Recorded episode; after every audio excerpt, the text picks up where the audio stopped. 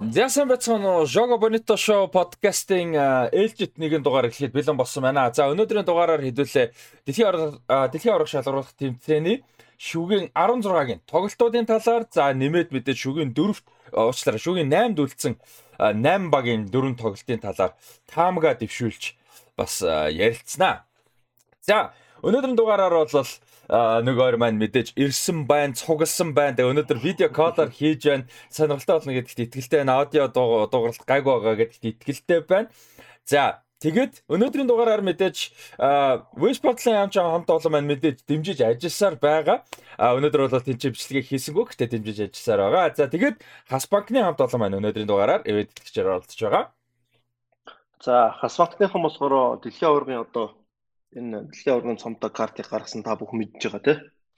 Дэлхийн аваргын алтан цомтой картыг гаргасан Visa карт. Тэгээд Visa карт нь дэлхийн орчлогын тэмцээнд албан ёсны ивент дэгч тэгээд Монголд юм гоо цомтой картыг бол анх удаа гаргаж байгаа. Яг урд нь дэлхийн аваргад зориулсан картууд гардаг байсан. Энэ бол нэлийн спешиал карт байгаа. Дээрээс нь цаанаасаа бас маш олон тийм бэлгүүд ирж байгаа.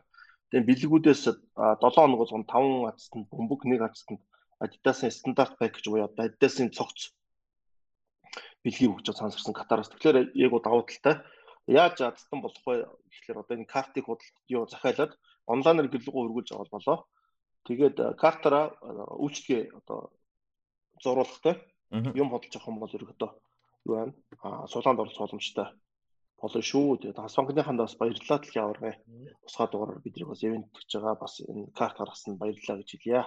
За хас банкны хамт баярлалаа. Тий, төгөргийн дебют карт болохоор төгөргийн карт нь юу байхад юутай юм бэ л да. Гадаад дотоод үйлчлэгээ гүйлгээхэд хамгийн тохиромжтой. Аа.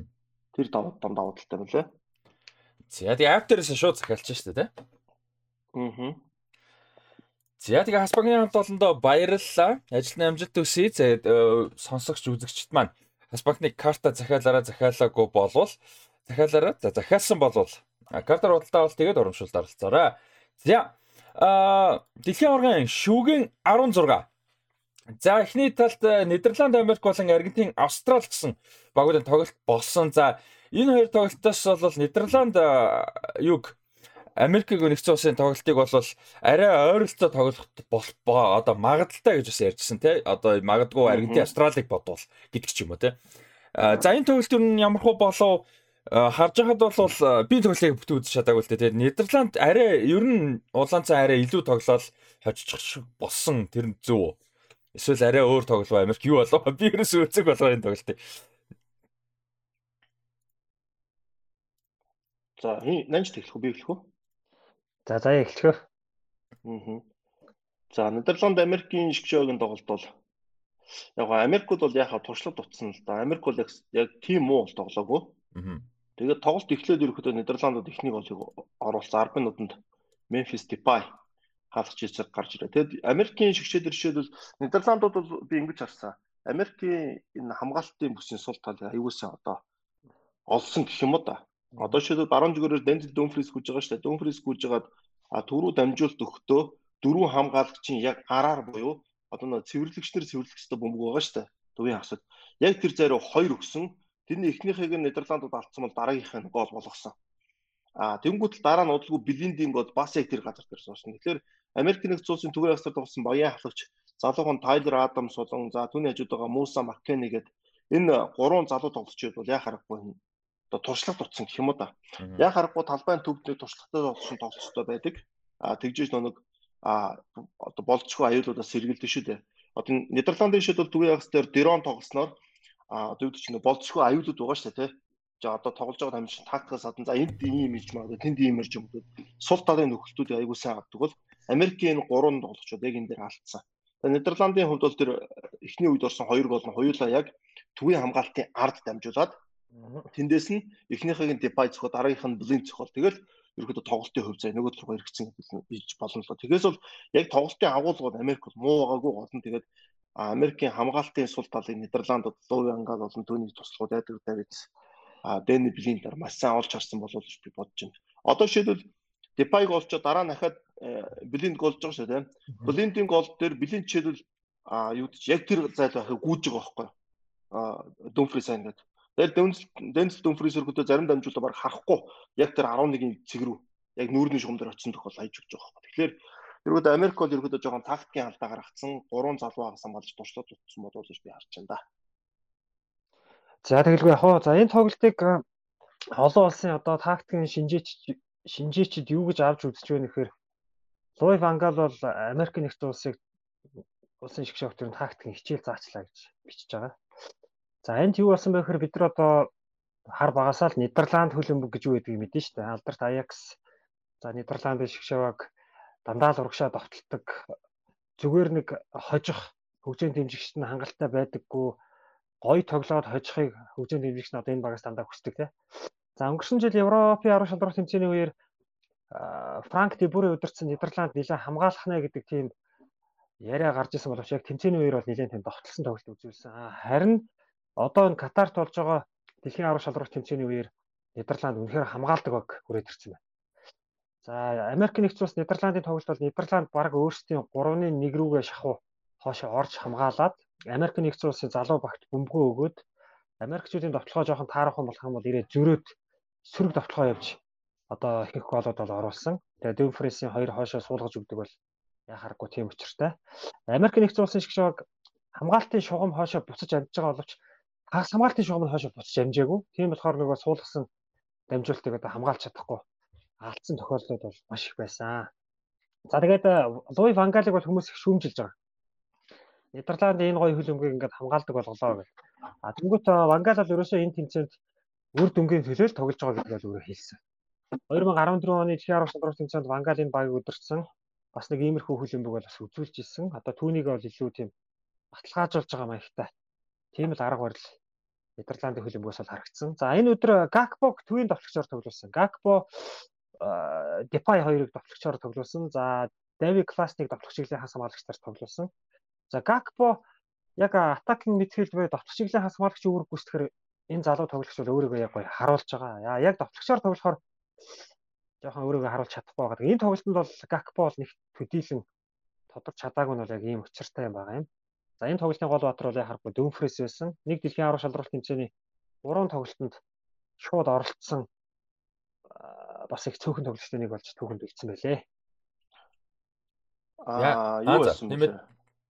Аа нэг дэлхийн аврагын одоо нэг тоглолтын дээр Нидерландын шивээс нэг гол хоёр голын дамжуулалт буюу одоо нэг голжууд оролцсон 3 дахь тоглож болсон байлээ. За 1978 оны Роб Ренсенбринг за 74 оны Йохан Кройф нар бол нэг тоглолтод одоо хасагт шатын тоглолтод шууд 3 тоглолтод оролцсон анхны тоглолч бол болж ирсэн байна. Оо за. За. Тэгээд дахиад энэ тоглолтод нэмэхэд Daily Blind-ийн хувьд бол одоо гол оруулсан хамгийн ахмад тоглогчоос хоёр тулсан юм Нидерландын. 32-наас 269 төрт хамгийн ахмад амирчин болохоор Уругвай эсрэг голцсон Giovanni Bombroncost 2010 онд. Янзын гол тий. Голцсон. Тийм, тийм амжилт байна. За тэгээ Memphis Depay 43 43 дахь гол оруулж Нидерландын шогийн мэрэгэн мужийн салтын 2-д Робин Ван Персиг авч бичигдэж байна. Ван Перси 50 голтой. Тэгээд классын хүндлэрийн одоо 42 гэдэг гол амжилтыг ямарсан. Авч гарч ирсэн дээ. Яа тэгэхээр одоо юу яаж байгаа юм шүү дээ. Евро дараагийн евро гэхэд л Depay баг гүйцэтгэх боломж байна шүү дээ. Тий, Depay ерөөхдөө гол их сааруулж байгаа. Дээрэс нь энэ тоглолтын дээр тэр Гакпогийн асуудал байна л да. Гакпогийн асуудал юу гэхээр Нидерланд ерөөхдөө хамгаалалт бол ерөөхдөө яг хүн хангалттай байсан. Хүн хангалттай байсан учраас эхний тоглолтод Делихт Ван Дайк гэж орж ирээд Делихтийг болохгүй тунг шууд хоёр тоглолтоо суулгаад эхэлсэн шүү дээ энэ бол. Бангалид бол энэ бол маш зөрөгтэй шийдвэр байсан. Маш зөрөгтэй. Одоо шийдэл энэ тоглолтын дээр Делихтийг бол эрдээ нөхөн 3 минутанд л орж байгаа байхгүй Акагийн оронд. Тэгэхээр Делихт бол энэ гараанаас ингээд гарааны бүрэлдэхүүнс ерөнхийдөө ингээд байх болчихж байгаа гэсэн үг. А энэ бол маш зөрөгтэй шийдвэр байсан. Дүүгийн хамгаалтан дээр бол Нидерланд бол хэний тоглох уу гэдэг гол асуудал байсан. За харин довтлооны хөвчд бол Нидерланд ямар тактикээр хэнийг ямар байралд вэ гэж чухал За хамгаалтад ойлгомжтой шүү дээ. Дилихт угаасаа хамгаална те. Тэгмэл дилихтүүд тембэр хүүд ч юм уу те. Акео Деврай ч юм уу сонголт өгсөн бол довтлоон дээр хэнийг хаан тоглох хамгийн чухал байсан л да. Тэгэд эхний тоглолтын дээр жишээлбэл Гатбог довтлогчийн ард тоглуулад за Бербин Депай ч юм уу Депай суусан шүү дээ. Бербин Янсен гэ гаргаж байгаа шүү дээ. Ингээд тоглонгууд Гатбогийн довтлогчийн ард тоглож байгаа үедээ боловч нэг дутагдал нь довтчийн ард тоглож иж а урд нь 2 байгаа ард нь 7 хүн байгаа юм чи хамгаалтнаа туслах хэрэгтэй байсан.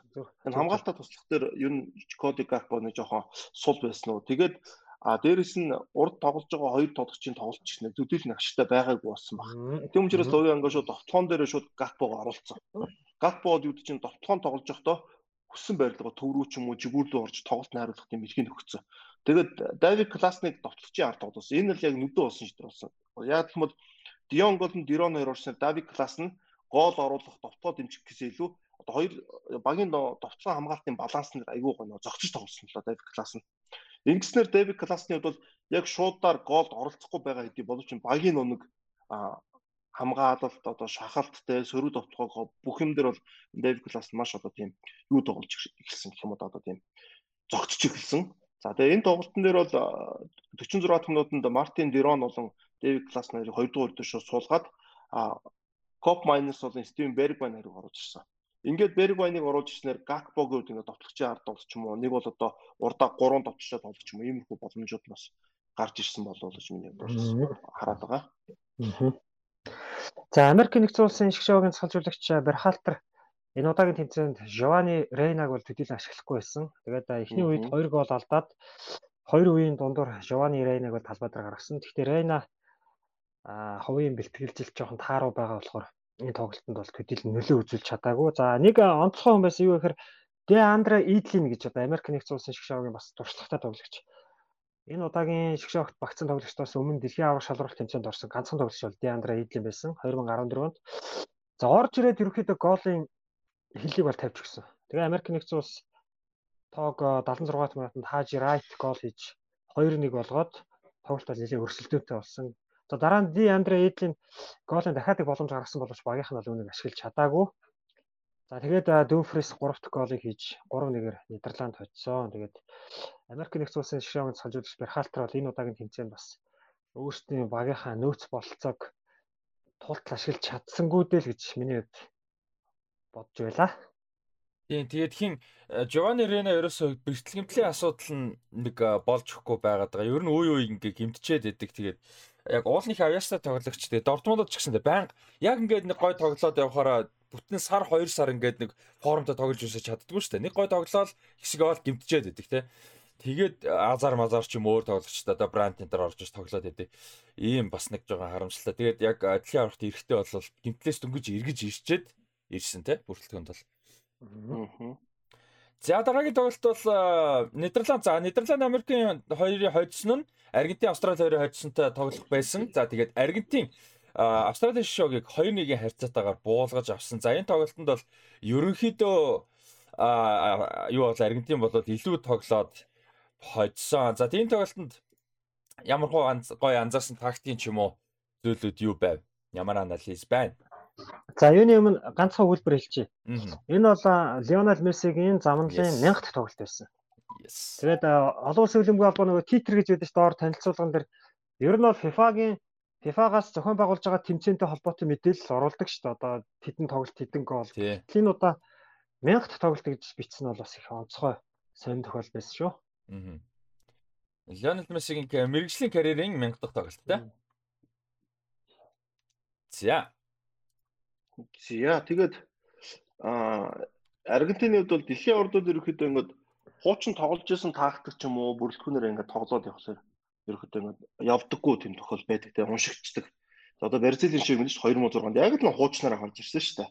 Кака, Роналдини хоёр хоёр захт нь баруун зүүнд гараад Адриано, Роналдо хоёр гараад те Робинього суулгаад төвдөр Зериберто, Жилберто Силва гэдэг яг л нэг Контресенска бурцын шатанд тоглож исэн бүрэлдэхүүнээр тоглосон. Дэлхийн авралаар яваагүй. Тэгэхээр дэлхийн авралаар юу гэдэг чимдээ ингээд жоохон тоглолтоо өөрчлөө, шин цус хэлбэ, тесрэг баг уншихад арай өөрчлөлт оруулаад тоглол ашигтай байдаг. За Аргентин бол эхний тоглолтууд яг тэгсэн шүү дээ. Яг нэг хуучин бүрэлдэхүүнээ гаргаад Сауди Арабид ажиллаад тоглолтод болохгүй байсан. За тэгээд хэн бол хэсгийн сүүлийн тоглолт нэр Скалоны гарааны бүрэлдэхүүн дээр яг бүрэлдэхүүний гоё өөрчлөлтүүд оруулсан. Тэрний үгээр төвийн ягсаар Энцо Фернандес гарч ирсэн. Жи хоёр дахь тоглолтоос орж ирдэг лөө. Ихтлээ Передс орж ирээд Энцо Энцо эхний тоглолтод сэлгээгээр орж ирдэ. Сауди Араби эсрэг. Тэгээ хоёр дахь гараанаас гарчтай тийм. Тэгээ хоёр дахь тоглолтод орж ирсэн нөгөө гол хийгээд хоёр дахь бас сэлгээгээр. Бас сэлгээгээр. А тийм харин сүүлийн тоглолт нэр тийм. Тэгээд Энцо эхний хоёр тоглолтод солилцоогоор сайн тоглоо. Тэгээ гурав дахь тоглолтын дээр Энцо шууд гараанд гаргасан. Гараанд гарахтаа шууд одоо цэвэрлэгч буюу төвийн хамгаалагч чиглэлээс хамгаалтын байранд тоглуулсан. Энэ бол маш зоримж төр болсон. Яагаад гэх юм бол энэ тоглож өөрөө хамгаалах чиглэлийн тоглолцоод биш шүү дээ. Тэгээ Аргентинд ерөөсөн хамгаалах чиглэлийн хамгийн сайн тоглолч нь Парец хийсэн. Парец муу тоглосон. За ингэнгүүт Фернандсыг гаргаж ирээд Дипол Макалистрийг оруулсан. Макалистр бас ихэнх тоглолт нэлээд сууж ирсэн шүү дээ. Ингэж оруулж ирснээр төвийн агс нь юу болж ирсэн? Аргентиных хамаагүй өөр үлчирсэн тоглолт нь. Ерөнхийдөө энэ гурыг бол би урдсан шатны бол бус тоглолтуудаар ингээд гуруулаа хамтаа төвийн агс төр тоглож исэн тоглолт ерөөс олж хараагүй. А за дээрэс нь Месси Мессиг гаргаад Лаутаро Мартинес суулгаад Альваресыг оруулж ирсэн. Айгуу зөв шийдэл болсон. Яагаад гэх юм бол урд нь Аргентины дасгалжуулагч нар нэг сайн байсан үнэл гаргадаг гэсэн шүү дээ. Игвайн сайн юу сайн ч үсэн муужсэн бүтэн дэлхийн оргонд туш гараа нэг болсон тоглож л байдаг тийм.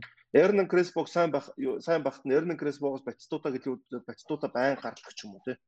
Тэгэл Аргентины салжуулагч яагаад ч ингэ түүх нь харахаар нэг хүнээр л товтлогчороо тоглодог. Скалоныгийн давуу тал нь Лаутаро Мартинес эхний өдөр шууд муу гол Альварес хараас энэ зөвцсөн. За дээрэс нь хамгийн сүүлийн сонголт байгаа ш товтлооны.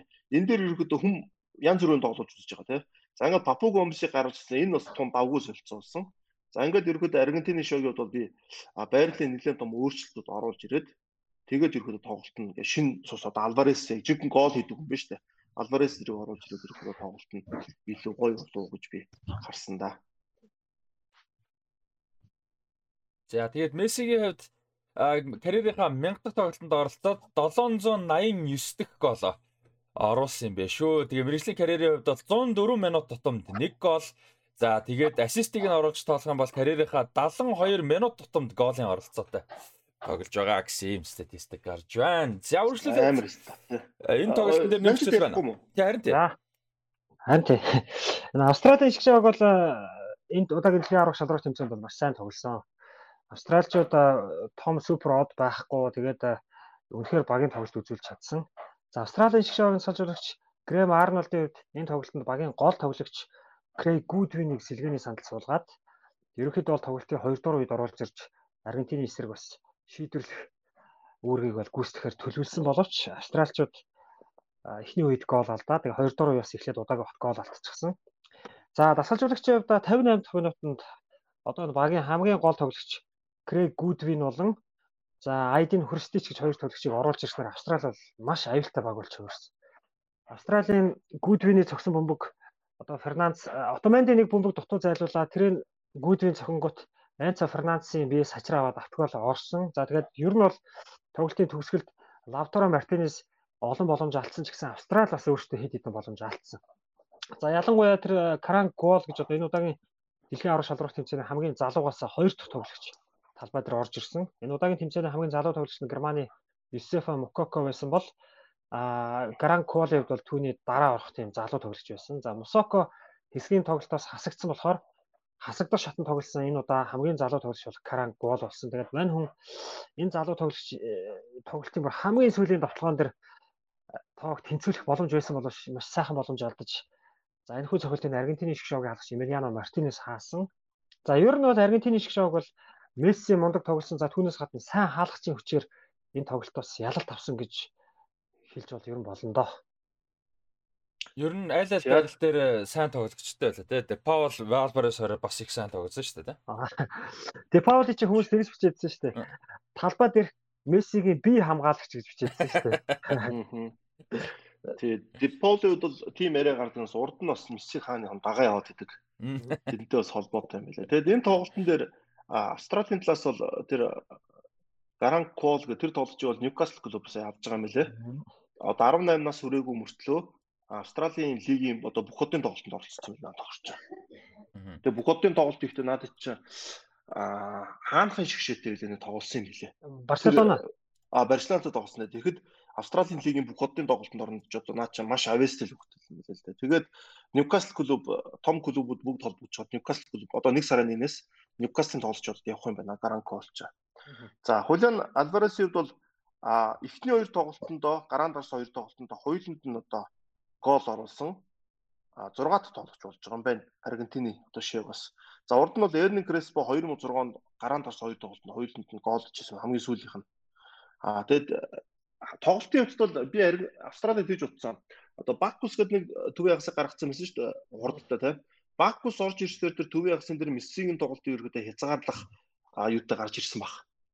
А тэгээд нэг энэ гүйдвэнийг суулгаад Австрали ерөөдөө ихний үедээ хамгаалч нь хамгаалаад ерөөдөө дуусах чинь 2 дугаар үеэс ерөөдөө энэ хрустич гүйдвэн хоёроо гаргаж гол оруулах гэсэн тактик байсан баг. Гэтэл нэгдүгээр үедэр ганцхан алдаа гарсан Австралийн шоугийн хамгаалтай. Тэр алдааг Месси ашигласан. Яаж ч тэр алдаа нэг Месси дээр таарсан баг хамгийн азгүй.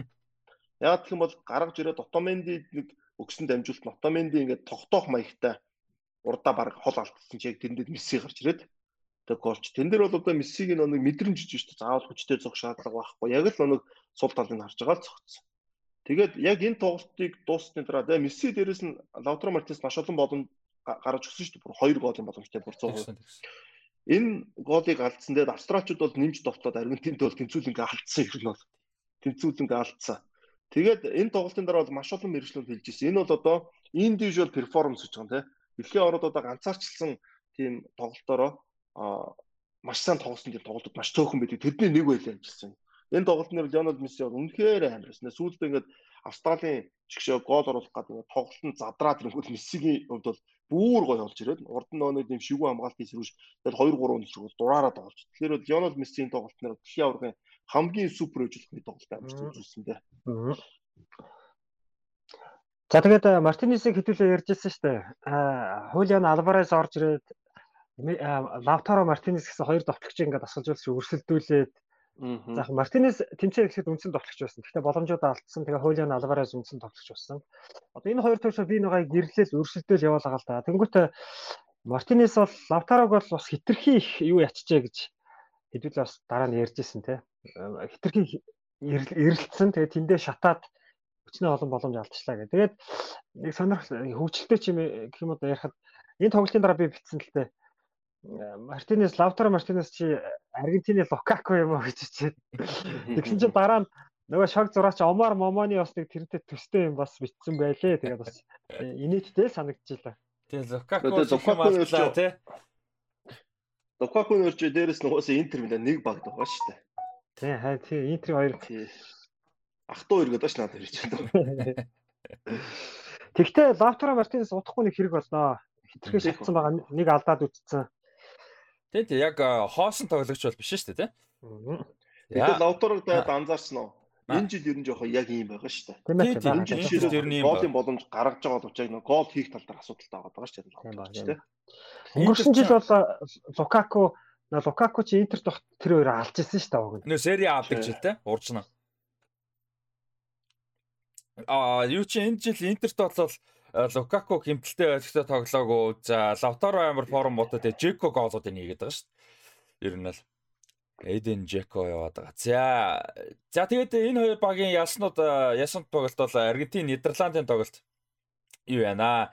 Э, шүн 3 цагаас болон 5 дахь шүн одоо 5 дахаас хагасаа л шилжих шүн 3 цагаас болно. Дэлхийн аваргын энэ жилийн дэлхийн аварга шалралт тэмцээний одоо юу шигшээ тоглолт тоглогдох Люсейл цэнгэлтгэд болно. Тэгээд Испани Ла Лигийн том шүгч Антонио Матео Лаос шүгчээр нь ажиллахаар болсон байгаа юм байна. За энэ бол одоо классик тоглолт. Тэгээд шууд энийг нь ярьчих. Хойлоо хэдүүлээ тоглолт тоглолтыг яриад ясан дуудыг нь яриад тэгээ ингээ ингээ авчи. Тэр нь сонирхолтой гэж бодож байна. За, Аргентин Нидерландын тоглолт. За энэ бол классик уучраа тий. За, юу байгаа? Хүмүүс бол ингэж яриад байгаа шүү дээ. Одоо хэсгийн Аргентины хэсгээс нэгээр гарсны дараа Өө Аргентин одоо хамгийн амархан хэсэг рүү орчлоо. Австралиг хожоо, Нидерландыг хожоо, шүгэн дөрөвт одоо Бразилтай тоглох юм байна гэдэг яриа явах тийм. Энэ бол ерөөсөө тийм биш л те. Аргентин одоо Австралитай яаж зовоо те. Одоо хүмүүс ингээ Нидерландыг жоохон дутуу хүнлээд байгаа. Одоо хуучин одоо бидрийг баг бахт Нидерланд ямар том баг байлаа. Тэрэн шиг хэмжээнд бол авч үзэхгүй л байгаа л та. Гэхдээ Нидерланд үнэхээр сайн баг. Нидерланд бол хамгаалтаа сөрөг тоглохоныг бол маш сайн зохион байгуулж байгаа. За Э, Нидерландын шигшээ багийн уур амьсгал бол энэ удаагийн дэлхийн аврал шалралт тэмцээнд оролцож байгаа 32 багаас хамгийн гоё байгаа гэж байгаа. Луи Вангал бол үнэхээр нэг тийм цогц баг бүрдүүлчихсэн. Би эндээ нэг ах トゥ ус шиг тийм хүчтэй баг бол бүрдүүлсэн гэдгийг ярьж байгаа. Тэгэхээр э, энэ Нидерланд Аргентины тоглолт бол юу гэдэг айдтай мөн амар тоглолт. Тэгээ Нидерландд нэг том давуу тал байгаа нь юу вэ гэхээр Нидерланд дандаа төрүүлж тоглоод байгаа. Төрүүлж тоглоод байна гэдэг маань А А хэсгийн 1-4-өөр гарсан багч нь төрүүлээ тоглоно гэдэг нь бусдаасаа нэг өдрийн өмнө тоглож чинь эсвэл нэг хэдэн цагийн өмнө тоглоод идрээс эрт амраад байгаа. Энэ бас амар чухал. багууд одоо амарч чадахгүйгээс болж юу болж байгааг би одоо хойч шүгэ 16-гийн дундаас ба хойших тоглолтуудаар би бас төлхөө ярьж өгье гэж бодож байгаа. Тэгэхээр Аргентиныг бол ерөөсөө маш хэцүү тоглолт хүлээж байгаа. Энэ бол ерөөсөө гал гарна Нидерланд ч хожиж магадгүй. За би энэ тоглолтноор нэлээд ширүүн тоглолт болов гэж харж байна. Тэгээд а Нидерландын шгшөөгөөд бол одоо нөө Дирон, Дионг, Давид Класны 3 шилэл төвд Мессиг яаж хамгаалах вэ те? Тэр юм гарч ирэх. За Нидерланд бол энэ дээр хамгаалалт мундаг байгаа гэж байна. Бандак ахалж байгаа Ака Тимберг те. А Нидерландын хамгийн аюултай жигүүр нь одоо баруун жигүүрийг би шууд хэлэх гээд байна л да. Дензел Дөнфрисийг одоо форм олцсон байна. Тэгээд Дензел Дөнфрис эсрэг Акун Акуняг оруулж ирэх үү гэдэг Акуняд бараг туулах байх та. Акуняг нэг шаруудтай болохоор өмнө тоглолтод шууд нэг алдаа харангуйш тасгалж биш суулгацсан шүү дээ. Хоёр тушаар авчна гэдэг. Тэр Акуняг ерөөхдөө Дөнфрис эсрэг тоглуулж өгөх бах. За энэ тоглолтын дээр бол за гол фаворит нь бол би Аргентин болгож бодож байна. Аргентин одоо ерөөхдөө Нидерландаас илүү тоглох болов гэж харж байна да. Тоглолтын юм аяг. За үр дүнгийн өвчгсөнд Аргентинд орж ирэх бах. За торгуулийн цохилт руу орж ирсэн ч гэсэн Аргентин давааталтай Милена Мартинес ямар мундаг 11 хаадаг алгач үлээ. За Аргентины нэг сул талч одоо 2 дугаар давхар байгаа шүү дээ. Австрал гэдэг энэ Аргент энэ дэйсэн тоглолтоор 2 дугаар давхраа нэг төдийлэн ашиглаж чадахгүй байсан. Нидерланд бол энийг бас Ванга сайн мэдж байгаа. Ерөнхийдөө сул тал нь 2 дугаар давхар гэж бодож байгаа. 2 дугаар давхар дээр сайн тоглох байх нь. Тактикийн хөвж Вангалч нь бол илүү шүү дээ. Тэгэхээр Вангал одоо ямар тактикийн юу олж харах нь тэрийг л гарах нь чухал энэ давуу тал олж харах нь. Вангал тэгээд бас хэлсэн л дээ. Леонард Мессиг хамгаалах арга тактикийг манай баг бол нэлээд удаан боловсруулж бий болгосон. Энэ Мессиг яаж хязгаарлахыг та бүгд хараарай гэж хэлсэн байгаа. За Аргентины баг зүгээр нэг сул тал юу гэхээр Аргентины дөрөв хамгаалагчтай тоглолдог зүүн жигүүрээр Акуниа довтлохоныг бол маш их дэмждэг. Акуниа довтлсон үед төвийн 3 хамгаалагч үлдээд тэр 3-ын урд Энцо Фернандес үлдэж яг 3-1 гэсэн байралтай хойно үлддэг. А энэ нь одоо юу хэлж ийм хэрэг Акуниагийн үлдээсээ орон цагаар Дүүфрес зөрөөд маш аюултай тоглоо хийх тийм дүр зураг харагдаж байгаа. А яг зүгээр одоо юу гэдэг Аргентины баруун жигүүрэнд довтлоо зүүн жигүүр нь хойно үлддэг байсан бол бас харьцангуй гайгүй гэж хэлж болно. Яг нөгөө довтолдог жигүүрээр нь эсрэг баг зөрч довтолдог болохоор энэ аюултай. А Дүүфресийг хамгаалахын тулд Акуниа довтлохгүй байна гэхээр одоо Аргентины багийн довтлохоо өөртөө явахгүй болчиход байгаа. Нэг тийм жигүүр нь жоох өхөнц маягтай. Тэгэхээр Нидерландын юм юм ер нь Аргентины эсрэг бас нэлээд таарад байгаа энэ тоглолтод. Яг сонирхолтой тоглолт байна. За дэлхийн аваргын түүхэнд энэ хоёр баг болол 6 дахь удаага уучраад таарж байгаа. Яг нийт бол Аргентин 2 хоцсон, нэг нь экстра тайм дээр пенальтаар хоцсон. За тэгээд Нидерланд 2 хоцсон, хоорондоо нэг тэнцсэн гэсэн юм түүхэн болол тоглолтууд байдаг. Хамгийн сүүлд 2014 оны дэлхийн орон шалралт тэмцээний шүгийн дөрөвт хооронд очоод хараад тэг тэгээр тэнцээд пенальт цохиж Аргентин болол хоцсон байгаа. За классик голод бас нэлээд орж исэн тоглолт тоглолт шүү дээ тий. Тэрний өмнөх нь одоо 98 оны дэлхийн оргоо шүү дээ. 2-1-ээр дусдаг. Аргентин очдог. За. За, Нидерланд андуурч Нидерланд очдог. Ер нь бол тухайн дэлхийн аваргуудаа хин сайн байгаа нь хожоод байгаа. Одоо 14 онд жишээл Аргентин илүү өссөн ш Нидерландаас. Юм ямар Аргентин очсон. 98 онд болохоор Нидерланд илүү өссөн, Нидерланд нь очсон. Тэгэхээр одоо энэ дэлхийн аваргаар одоо яг үндэ бол харж байгаа нь Аргентин жоох илүү байгаа ш. Тэгэхээр Аргентин талдаас очиж магадгүй юм. Хамгийн анх бол хоорондоо 1974 оны дэлхийн аваргын 2 дахь 2 дугаар хэсэгт Аргентин, Нидерланд, Бразил, Зүүн Герман гэсэн багууд нэг хэсэгт орж. Ямар амар хэсэг вэ? Аа Нидерландын шог Аргентиныг 4-1 харьцаад байгаа хожижсэн юм. Йохан Кройф одоо байсан те тэр бүрэлдэхүүнд бол алдартай домогт одоо бүрэлдэхүүн шүү дээ. Йохан Кройф 2 гол хийжсэн. Руд Крол 1 голыг хийжсэн байдаг юм байна. Наад зүүн германч ч гэсэн мундаг шүү дээ. Зүүн германы баг хэсэгтээ баруун германа хожиж гарч ирсэн баг шүү дээ. Тэгээд яг өвхлийн хэсгээс гарч чадаагүй баруун герман цаашаа явсараа төрүүлдэг. Зүүн герман ч баруун 1-0-оор очдөг те баруун германыг. Нэг дээр очдөг. 1-0-оор очоод бус тоглолтын дээр очиж чаддгүй юм те. Тийм. За энэ бол ингээд гахалтай учраа таарсан байна. Маш үзүүштэй гой тоглолт болох баха. За энэ хоёрын хоцсонтой тарах магадлалтай тоглолтуудыг бас ярья гэж бодож байна. Үргэлжлүүлээд. За Японы шгшог Хорват хоёр тоглосон. За энэ хоёр хоорондоо тоглоод э, нэг нэгээр тэнцээд за тэгээд цаг сунгаа тэрэн дээр гол орог байжгаад торгуулийн цохил цогч Хорватын шок хоцсон. За энэ тоглолтын дээр. За энэ тоглолтын дээр бол Япончууд бол өөрсдийнх нь боломжийг алдсан гэж байна. Япон бол тоглолтын үед бол ерөөдөө Хорватоос илүү байсан шүү дээ. А тоглолтын яг тактик Японд тавьжсэн. Тийм учраас 43 тоноод Майдаг болцсон. А тоглолт эхлээд Япончууд өөрсдөөс голд төгсөн тий. За тэгээд Японы хэвлэлүүдийг бас нэлээд бас юу болоо л та би ингээд ухаж үзлээ л дээ. Япончууд болохоор ийм хэлж байна. Япон хүний эго гэдэг юм айгүй хэрэгтэй байна гэдэг. Бүгдээрээ л ингээд бусдыг хүндлээд байгаа гэдэг тий. Гэт мэрэгжлийн талбайд тоглож байгаа шиг эго байх хэрэгтэй. Багийн нэгэн заавал ингээд өдөрдөөд ингээд авч явах хэрэгтэй. Тэгэхээр нэг асуудал нь болохоор Япон хүний Япончууд жоохон эго хэрэгтэй байна гэж хэлсэн. Одоо манай монголчууд л эгонд дэмтчихэд байгаа шүү дээ. Бүгд эготой тий. А тэгвэл барууны энэ багт чинь ингээд баланс нь тохирж байгаа байхгүй багийн лидер нь хийн те багийг авч чад. Тэнгүүд Япон дээр хамгийн том яригдсан асуудал энэ юм байна. Эго гэдэг. Тэр хитрхий даруухан байна те. Чи талбай дээр одоо энэ тэмцэлж байгаа хүмүүс ч тийм биз дээ. А хоёрдугаарт Япончуудын хамгийн их ярьж байгаа нь гарааны бүрэлдэхүүн дээр ахаад алдаа гаргасан. Митомог ерөөсөө нэг тоглолт нь гараан дээр гаргаагүй гэдгээр Япончууд өөрсдөө маш гэрсэн ч. Яг бол Митомог одоо юу ч юм бэ? Эсгийн 3 тоглолтноор гараан дараагүй энэ тоглолт тоглож хангалттай амарсан байгаа шүү дээ. Тэгэд энэ тоглолтыг гарах хэрэгтэй болсон гэдэг. Ердөө 64 дахь минутанд Першичинг бол Оросын дараа Метомо гарч ирж байгаа байхгүй. Метомо гарч ирээд тоглолт нэр хамаагүй их нөлөө үзүүлсэн тоглож. Тэгэхээр ерөнхийдөө Япончуудын ярьж байгаа гол хоёр асуудал. Би бол энэ хоёрт хуйлантай шууд 100% санал хэлж байгаа. Зөндөө хэлчихсэн. Гарааны бүртгэн жоохон буруу байгаа. Яг тасалжуулагчид мэдээж мундаг судалж байгаа ингэж байгаа боловч яг одоо маш хамгийн сайн формтойгоо тоглохын тулд хий. Метомо Камада байхгүй. Камада бүх тоглолтод гаранд орж байгаа. Битомо бүх тоглолтын цэлгээр гарч байгаа. Тэнгүүд Лрицу дооныг гаргаж байна. Дайз Майда гаргаж байна. За тэгээд Жуниор Ито гаргаж байна. Яг нь Итотоо бол ярих юм баг. Итог бол энэ дэлхийн аврах хамгийн сайн тоглосон тоглож байгаа.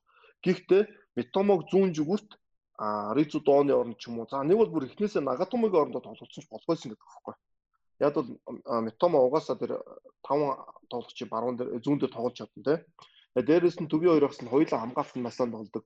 Морито энэ дээр байгаа нөхцөл Метомог эхнээс нь гарах хэрэгтэй байсан гэдэг. Би бол энэ дээр бол яг яхаар 100% тэгээд санал байгаа нийлж байгаа да. Битомаг ялчгүй юун дээр энэ дээр бол бүр гараа нь гаргах байх гэж уг нь хамгаалж байсан шүү дээ тий. За тэр нь бол өснөр өсгөө. Тэгээд торгуулийн цохилтыг суулгасан. За тэр хүртэл нэмж ярих зүйл байгаа. Торгуулийн цохил хүртэл өөр тоглолтын агуулга дээр. За Хорватын шгшавага тоглолтын эхний үед бол нэлээд хамгаалсан. Японы шгшавагт нэлээд тийм давуу тоглох боломжийг өгсөн. За хоёрдугаар үе эхлээд Хорватууд бол илүү тогсон. Тэр Перешичийн гол орохын өмнө Оросны дараа Хорватууд бол хэд хэдэн боломж бол алдсан. За тэгээд нэмэлт цагт экстра тайм дээр аль аль баг нь бол алдаа гарахыг хүсээгүй. Одоо урагшаа явж байгаа дэргээд алдчихъя гэд. Тэгээ ер нь бол аль аль баг нь торгуулийн цохил цохих тийм хандлагатай байсан. За тэгээд торгуулийн цохил цохих үед Япончууд ястаа нөгөө эго гэдэг юм дутсан да. Тэгээд ерөөсөө энэ удаагийн дэлхийн 10 шалралт тэмцээн хоёр удаа торгуулийн цохил зогсон. Эхний тоглогч алдчихаар дараагийн хүмүүст бол маш их нөлөөлдөг тийм зүйл энэ удаа би бол анзаарлаа л да. Эхлээ одоо Минамино цохих гээд Япончууд их л цогж байгаа шүү дээ. Минамино цохих гээд бөмбөгөө бариад очиход нөгөө хоёр багийн хаалгачдын ингээд торгуулийн талбайгаас гараагүй уулзч муулзаад байгаа байхгүй. Тэгээ бөмбөг цохиж байгаа юм чинь юу ч бодохгүй аваачаад цохол юм бол амжилттай болдог байтал тэр хүн цохиж болохгүй хүлээгээд идэг урд нь үйл явдал болоод Тэгээ нэг жоохон нэг пауз аваад саатчихаар хүн чинь тэр үедээ янз янзын бодоод анхны шийдвэр нь өөрчлөгдөөд эсвэл нөгөө эргэлзээд те эргэлзээд тийм тэг тийм юм болчоо та гэж би л тэр үед бол анзаарсан. Яг Минамина хэдийн мэрэгжлийн тоглогч ч гэсэн мэрэгжлийн хүн ч гэсэн бас яг тийм үед алддаг шүү дээ. Тэгээд Минамина алдаад эхлэнгүүт арагшаа Япон бол тэр чигтээ нурцсан гэж би хувьд бол таамаглаж байгаа. За тэгээд торгуулийн цогцолтон дээр бол би тэгж харсан. Японч торгуулийн цогцолтыг тийм маш сул зогсон. Одоо юу ч юм бэ? Одоо юу чи хаалгач таагаа төсөрчих юм бол хаахаар бомбнууд юм бол. Энэ ч бол ерөөдөө хаалгач даваад л өчөж байгаа байхгүй. А зарим тохиолдолд японочууд бол бүр цөм зөх хөстэй байхгүй. Тэгэх юм бол хаалгач зүг тааж өсөрсөн ч тэрийг алдах одоо хангалттай болно тий. Одоо сүүлийн сүүлийн одоо Хари Кейн ч гэдэг юм уу тоглолтоор одоо пенальти бүр амар цогтөг болчиход байгаа ш нь нэг 90 градусын булан хавцаа цогтөг хаалгач тааж өсөрсөн ч хаа чадхааргүйгээр төгсөгдөг болчиход байгаа бол одоо ингээд хөлбөмбөг буцаад нэг тийм бүр нэлээ олон жилийн өмнө байсан шиг жоохон тийм пеналт гүйцэтгэх нь муу болчиход байна удаа л гэж харагдаад байна. За тэгээ энэ тоглолтын дээр Иван Першич голцноор дэлхийн аварга 6 гол 4 голын дамжуулалт өгсөн. Түүнээс илүү ердөө хоёрхан тоглож байгаа нь Месси болон Эмбапер болчихж байгаа.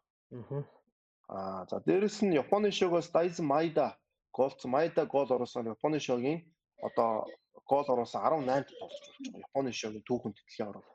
За Азуудаас бол Солонгосоос бол 25 тоглож бол голж исэн тийм статистик байт юм байна. За дээрэс нь Юта Нагатомог дэлхийн аваргын 15 тоглолтод орсноор бүх цаг үеийн дэлхийн аваргын тоглолтод орсон Азийн 2 дахь тоглож байна. Нэгдүгээр нь Солонгосын шогийн алдарт хамгаалж Хом Юмбо 16 тоглолтод орж исэн гэсэн юм статистик үзүүлэлтүүд байна. За тэгээд Доминик Ливакович 3 юу яасан те цохилт тургуулын цохилт хаагаад дэлхийн аваргын түүхэнд 3 дахь хаалцж болж байгаа нь юуны пенальтын шут аутанд хаасан. За өмнө нь бол 2006 онд Португалийн хаалгач Рикардо Англи эсрэг 3 хаалт хийжсэн бол 2018 онд Хорватын мөн Хорватын Даниэл Субасич Дан Дани эсрэг 3 хаалтыг гүйцэтгэж байсан. За ингээд 3 хаалт гүйцэтгсэн 3 хаалгачийн 2 нь Хорват хаалгач. Зүйлээ ярьж байна. Рас яг тоглолтын дараах пенальтиг хэлж гинөө. Тий, тий, тоглолтын дараа одоо пенальти шут аут байхгүй. Аа, аут. Тий, тий. тоглолтын тий, тоглолтын дундуур ч юм уу тэмцээний биш. Болсон байдаг үстэй тий. Тэгээ тоглолтны пенальтанд таасан бас тусдаа статистик мэдээж байгаа. Тийм баг та. Тий. А тэгээ дээрэс нь энэ Японч тожигчнаар Азуудын бас нэг анти рекорд буюу дэлхийн аварга торгуулийн цогтөд нэг ч хожиж үзээгүй гэсэн. Азуудын биш ээ. Солонгос очсон шүү дээ торгуулийн цогтөөр. Япончууд а тэр Солонгосоос хойш байхгүй 2002 он Солонгосныг хожсон шүү дээ. Юу хожлоо? Испаник. Испаник. Испаник хождог тий. Тэгдгээр тэнцээд тэрнээс хойш Азууд торгуулийн цогтөд нэг ч хожоогүй. Япончууд ингээд хоёр дараалаад хоёр удаа торгуулийн цогтөөр хожсон тохиол болсон юм байлаа. Япончууд ингээд түүхэндээ анх удаага шүгэн намж шалгарах том боломж байгаа яллаа да тий. Амсалтай. Япон шүгэн 16-аад ингээд дөрөвдүгээр хожигдлоо. Тэгээд 2010 онд Парагвайтай тургуулийн цогц цохоод бас хожигдж ирсэн. Аа. Тэгээд энэ давааг гэхдээ удахгүй давах байхаа Япончууд. Энэ жил их л ойртлоо доо. За тэгээд энэ хоёрын хоцсонтой тоглох баг бол мэдээж Бразил, Хорват Бразилийн Очоод таарсан байгаа Бразил өвнөд солонгосын шигшээ багтаа тогсон дөрвнийг хайцаатаагаар буулгажсан. За энэ бол хамгийн одоо за Португалийн тоглолт бол дараа нь ярьж баг. Гэхдээ ерөн шүүгийн 16-гийн хамгийн өрсөлдөөн багтаа хамгийн хурдан ойлгомжтой болсон энэ тоглолтууд нэг байсан. Аа тэгээ дээрэс нь ялангуяа эхний үе бол хамгийн үзүүштэй хөлн гарсан гэж аа болол надад санагдсан. Та хэдэд ямар санагдав энэ тоглолт юу болов? За энэ тоглолтын өмнө юу яасан? Энэ удаагийн дэлхийн аврах шалралт тэмцээний шүгэн 16-ад яг уу өрсөлдөөнтэй тоглолтууд хийдэд болсон боловч илт давуу тоглолт бас нэлээд хэд болцсон. Төрөний одоо Америк, Нидерланд гэдэг юм уу, Франц, Польш, одоо Португал, Швейцар. За энэ Бразил, Солонгосын тоглолт бол бас тийм энэ тэнцүү өрсөлдөөн үүсэгүй шүү дээ. Энэ юутай холбоотой гэхээр энэ нөгөө нэг удирдлын дундуур болж байгаатай холбоотой дэлхийн аврах шалралт тэмцээн. Аа тэгээд нэгдүгээр тамирчид амарч чадахгүй, хоёрдугаар хэсгийн тоглолт хэсэг хоногийн дотор болоод шууд хасагдах шат эхэлж байгаа. Өмнө нь одоо юу гэдэг хасагдах шат эхлэх юм нэг өдөр амардаг байсан шүү дээ. Хэсгийн тоглолт дуусаад нэг өдөр амраад эн чинь бас их учир утгатай байсан юм байна. За Солонгосын шгшөөгийн цалжуулагч Пауло Бенто хэвлийн баг хурал дээр хэлсэн. Манайх одоо ингээ Португалийн шгшөөгтэй хэсгийн сүүлийн тоглолтоо ан ман тоглосны дараа 3 хоногийн дараа тоглож байна. 72 цагийн дараа тоглоно гэдэг бол шудраг зүйл бол биш. Энэ бол маш том алдаа гэж шүүмжилсэн. А тэнгууд сэтгүүлч Бразилийн шгшөөгч гэсэн ингээд 72 цагийн дараа тоглож штэ бас сүүлчийн тоглолтын штэ 3 хоногийн дараа Бразил бол эхлээд 2 хожицсон тэгээ гол тоглогчд бол амраацсан байсан. Тийм болохоор энд бол бас арай тэнцвэргүй байна гэдэг зүйлийг бол хэлсэн. Гэхдээ энэ бол ер нь бас үнний ортой. Үнний ортой зүйл шүү. Тэгээд одоо солонгосын шгшөөг бол энэ тоглолтод үнэхээр бие организмыг бол гүйцэд сэргэж амжаагүй байсан. А бразилчууд эргээд хэдий хэсгийн сүүлийн тоглолтод Камерунд хожигдсон ч гэсэн тэдний хувьд бол гол тоглогчд бол ихэнх нь амраацсан байсан. Тэгээд үүний ялгаа зөрүү бол тоглолтын ихнээс шууд мэдрэгдсэн. А түүнээс ч одоо юу гэдэг яг Солонгос Бразилийг хожихгүй гэж болно. Гэхдээ тоглолт эхлээл нэг 15 минут дотор 2 гол алдаад 30 минут дотор 3 гол алдах баг бол яагаад Солонгос биш шүү дээ. Ялангуяа энэ том тэмцээний хасагдах шатнд. А тэгэхээр энэ бол ерөөсөө нөгөө бие организм сэргэж амжаагүй, ядралт ихтэй байгаа. Recover хийж чадаагүй. Энэ бол яа харахгүй нөлөөлсөн. Их шахуу тоглолтуудтай болж байгаа шүү дээ. Ер нь дэлхийн аврагч урд нь эсгийн тоглолт туцаад нэг өдөр амардаг байсан шүү дээ. Нэг нэг өдрийн амралт гэдэг ямар чухал байдаг л манчта 100% санал нийлж байна. Дээрэс нь Нидерланд Бразилийн шоугаас хаалгач Вевертон Алисны оромт бадар гарч ирснээр 10 минут тоглосон. Ингэснээр дэлхийн аврагын 26 тоглогч нь бүгдээрээ тоглосон анхны тохиолдол Бразил дээр болж байна. бүх тоглогч нь. За дээрэс нь Неймарын хувьд бол 3 дэлхийн аргууд ингээд нэг хуу дараалаад голцсон бас 3 дахь тоглож болж байгаа юм Бразилийн. За урд нь болохоор Роналдо болон аа өө нөгөө а Пиле тий голж ирсэн мөлий. За мөн Бразилчууд нээлтийн эсгийн ихний оо эсгийн эхний хагас дээр дөрвөн гол оруулсан хоёр дахь тохиолдол дөрөв юу лээ хоёр дахь тохиолдол нь Тийм, Мексик 74 онд Мексикийн эсрэг 54 54 54 54 онд тийм. Би сая 54-ээр хэдэг ч юу? 74 гэсэн. Аа 74 ч юу. 54 онд Мексикийн харамд оруулсантай тэнцсэн тийм зүйл болж байгаа маань. За тоглолтын явцад бол Бразилийн шигшээ байгаа зөв хүн идэж болсон яг хүнд бол. Солонгос ядарсан байсан. Тэгээ Бразилчууд бол үнэхээр үнэхээр одоо юу гэж юм дээс. Жиггэн одоо Бразил хөлбөмбөжүүд чинь жиггэн тоглосон гэдэг шиг юм болсон л доо тэр. Винисиус ямар амар тэр Винисиус эхлийн төгсгөл бол амар шүү дээ тэр бол. Маш өндөр чадвар. Харахад зүгээр ингээд өдгөө тажиж байгаа юм шиг мөртлөө. Тэн дээр бол маш олон тоглогч тийм одоо юу гэж юм дарамттай нөхцөлтэй эсрэг багийн 2 3 хамгаалж ирж байгаа нөхцөл хамаг хүчээр зохихыг хүсдэг гэтэл Винисиус бол хамаг хүчээр зохих биш маш хурдан хугацаанд хараад дээгүүрэн те бүх тоглогчийн дээгүүр яг бол эвтэйх явуулчих тий удаашруулж харах юм бол ингээд доогор зохихоос ямар цай харагдахгүй юм бохоо Тэгэхэд маш хурдан скан хийгээд тэрийг бол маш хурдан харж байгаа шүү дээ. Доогуураас ямар цайгүй юм нэгэд дээгүр хөнгөө аяд голцсон. Тэгээд энэ баг дээр бол бид нар ярьжсэн Ричарлисон угаасаа товтлож ийлээ тохорноос яг Ричарлисон товтлож ийснээр энэ баг үлэхээр амар байсан. За Барселонаас тэгээд хоёр зүүн зүгрийн хамгаалж Александр бол Алекс Телс хоёр гэмтэлтэй учраас Данилог зүүн зүгрийн хамгаалтанд гаргаж тоглуулсан. За тэгээд яг жигүүрийн тоглолт бол Милитао Данилогод ерөөд хамгаалтын сул байгаа. Гэхдээ би бол энийг дэлхийн авраг өмнөөс хэлжсэн шүү дээ энэ Бразил дээр давуу тал болох байх шүү. Яг бол Бразил угаасаа тоглоом сайн байгаа юм. Энэ хоёр нэг тийм амар дэмждэг хүмүүс ирэх байхгүй учраас арын нэг хамгаалт эрсдэл бэлэн байна тий. Энийг бол дэлхийн аварга өмнө хэлжсэн яг л ийм зүйл болсон л та. Угаасаа хамгаалт тоглоом өсөв өсөв голж байна. Тэгэхээр хамгаалтандаа сайн одоо ингээд тоглоно гэдэг л Бразил бол нөлөөлж байна. Тэгэхээр Бразил энэ жил хоёр сайн жигүүрийн тоглолцгүй байгаа нь бас давуу тал болж байна гэж харж байна. Тэрвээ хоёр тоглолтод жигүүрт болчих юм бол хамгаалтан дээр Бразил яах вэ тий? 2002 он төрөлдөө Бразилийн шээ чинь сайн тоглолтоос гадна сайн хамгаалдаг баг байсан шүү дээ. Ардаа 3 хамгаалж үлдэн. Дээрээс нь Жилберто Силва дөрүлээ үлддэг байсан. Тэгээд асамжуулагч Сколари бол тухайн үед 2002 онд дэлхийн нэг хэлжсэн шүү дээ. Зүүсийг довтлох дуртай болсон. Зүүсэж довтлоход орохгүй шүүгээд зүүсээ урагшаага бүр ахламж ойртойгоо. Эдмисэн нэг гүйчжэл нэг голч байсан шүү дээ. Татсан шүү дээ. Тий. Тэгэхээр зүүсээ чинь гүйчжэл нэг голчод нөхөр шүү дээ. Тэгэхээр Бразил бол хамгаалтаа айгүй зөв бас энэ айгүй зөв давуу тал болчиход орсон. Солонгос төр бол яг харахгүй ядарсан байсан гэдэг. Үнээр сонс гэж байна. Тэгээ Бразилийн шгшогийн хувьд тэгтээ одоо зүүн чигээр бол жоохон асуудалтай байна. Данило бол одоо Сербийн шгшогт тоглоход баруун чигээрт хамгаалсан шүү дээ. Тэгээ сүүлчийн минутанд хөл рүүгээ өшөглүүлээд гинтэж байгаа. Дөнгөд асуулжаад гэтээ түүнийг одоо эрт суулгаагүй нь миний алдаа байсан гэж хэлсэн. Тэгээд энэ тоглолтод за Алекс Телесийн тэмцээн бол дууссан. За Александра бол бас цаг хугацаатай уралдаж байгаа. Тэгээ өнөөдөр э, энэ тоглолтны харахгүй Данилог бол зүүнд хамгаалуулсан. Аа Гэхдээ ер нь зүгээр энэ бас яванд алдаа болж бас сул тал болох байх. Зүгээр яг заяагийн хилдэг гоё үндэслэл байна л да тий. Довтлоонд нэг орохгүй байна гэдэг чинь хамгаалт нь сайн байна байгаа боловч тэгээд гимтэл бэртэлтэй жоох муу хүн байгаад байна гэдэг чинь ер нь бас нэг нөгөө талын бас сул тал. Тэгэхээр одоо Бразилийн одоо хамгийн санаа зовж байгаа асуудал бол зүүн зүгээрээ хамгаалт болчлаа гэж би л хэлэх гээд байна. Одоо хэрвээ Александро аа за Александра дараагийн тоглолтод орж ирэх үү? Магадaltaй. Мэдээ байхгүй. Би бол олж хараагүй Александра. Хэрвээ Александра байхгүй болвол Э, Аа одоо тэгээд дээрэс нь Данило гэмтэлтэй байгаад байвал яах вэ? Одоо Милитао Фабиньо хоёрыг жирүүлт хуйлангийн жигүүрт гаргах уу бас хэцүү байна тий. За Милитао бол баруун дээр бол хамгаалал гайгүй шүү дээ. Зүүн дээр л хэцүү байгаа шүү дээ.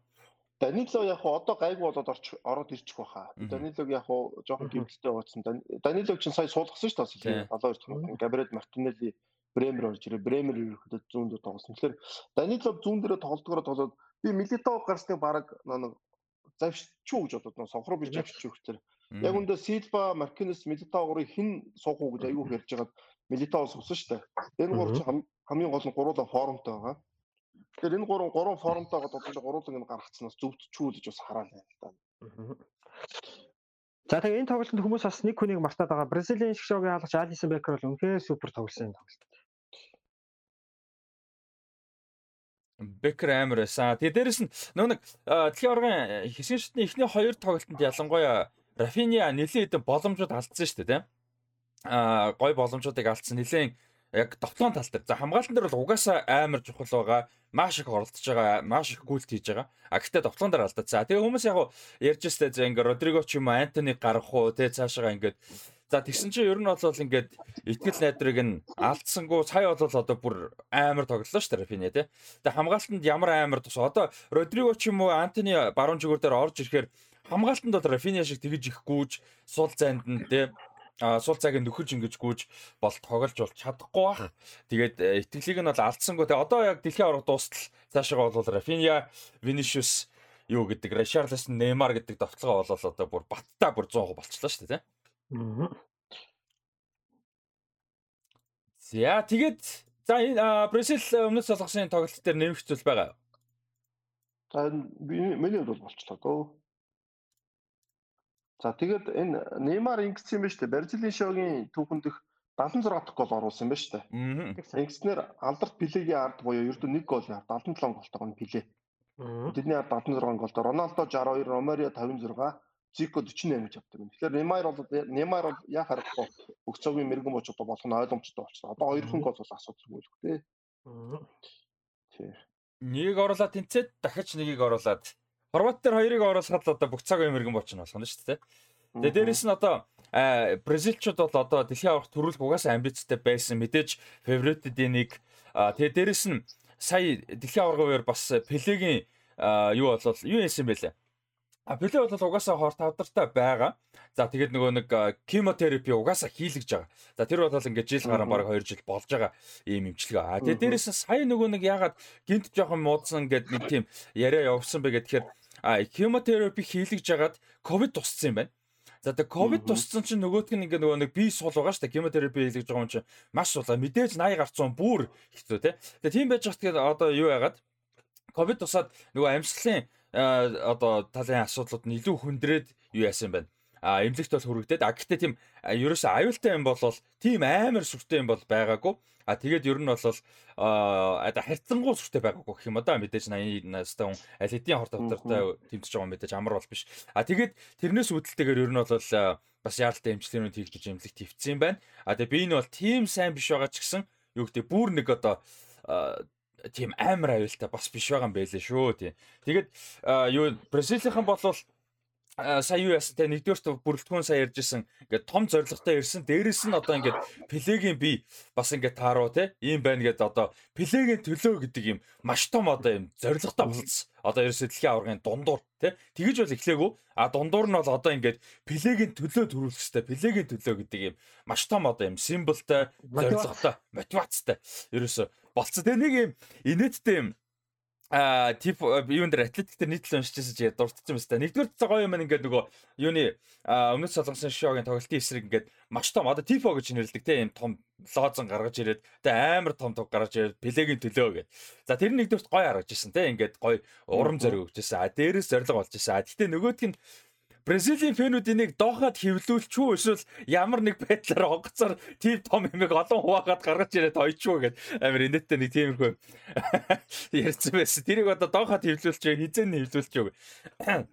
А тэр нэг тийм инээдтэй юм байсан. Тийм. Тэгэд одоо бол Бразил бас цаашаа явах юм сэтгэл зүйн урам зориг бол маш том болцсон байна. За тэгэд Хорват Бразилийн тоглолт.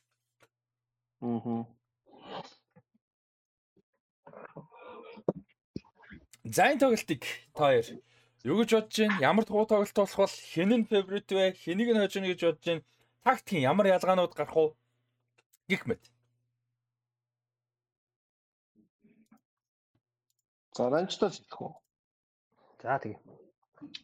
За энэ тоглолтын гол фаворит бол яа харахгүй Бразилийн шиг шоу гэдэг нь бол ойлгомжтой. За гэхдээ Хорват гэдэг бол одоо ямар ч багтаад хаарсан хатуу самар байна гэдэг нь бол бас ойлгомжтой. За Хорват ягаад Бразилд хатуу самар байх вэ гэхээр энэ удаагийн дэлхийн авах шалралт тэмцээн ихсэн цагаас хойш бразилчууд одоо хамгийн хүчтэй багтаага тоглож байгаа. Одоо хэсэгт нь таарсан 3 баг, дараа нь таарсан Солонгос бол Хорватын хэмжээний тийм баг бол байж чадаагүй. Аа. За тэрийг бол онцч хэлмээр байна. За тэгээ Хорватын шгшөөгийн хаалгач хамгаалтын шугам бол маш мундаг байгаа. Эргээд сүү тоглохоныг бол маш сайн хийж байгаа. Японы шиг шогт хийсэн тоглолтод бас энэ бол харагдсан. Хорватууд энэ тэмцээглээ 2 гол алдсан байгаа. Канадыг алдаад Японд сая нэг бол алдаж байгаа. За За тэгээд 4-2 3-1 гэдэг байралтаа Бразил тоглоно. Неймар бол ерөөхдөө долох чиглэлийн хас маалгач гэсэн үг. А Неймарын ард Каземира болон Лукас Пакета нараа үлдэн. А эсэргээрээ Хаватын шгшог довтлооны төдийлөнд дэмждэггүй, урагшаа нэг цөмөрдөггүй 3 хагас хамгаалагч байгаа. Энэ 3 хагас хамгаалагч бол бас дэлхийн хэмжээний Модрич, Ковачич, Брозович байгаа шүү дээ. Тэгэхээр ерөнхийдөө талбайн төвд Хорватын шгшог Неймар л хоошоо орж өхөн хатан туслахгүй бол Хорватын шгшог талбайн төвд Бразилийг бол илүүрхэх тийм боломжтой гэсэн зарим нэг шинжээчийн дүгнэлт бол гарсан байгаа. За тийм байна. За пийн тоглолтод бол ерөнхийдөө Хорват ийм юм байна. 98 онд тэр 2018 онд тэр шүүгэн 8 дандаа торгуулийн зохиол цогт юм байна. Цогч исэн юм байна. Тэгэхээр хорватууд энэ тоглолтын ерөөхдөө торгуулийн зохиол цохно гэж тоглох байх та. 98 угаас Германыг хоцсон шүү дээ. Торгуулийн зохиол цохоогүй дээ. Аа 3-0 3-0 би андуурч 2008 онд 2 удаа зогсон тий. Аа. Тий, sorry андуурч Германыг нөө яардагийн бол эхлүүлдэ шүү дээ. Тэгээ хорватууд бол угаасаа яг тэр 2018 он шиг өрхөд юу авах байх торгуулийн зохилттой орлын тоглолтыг авч гэж үзэх ба. Угаасаа хаалгацсан.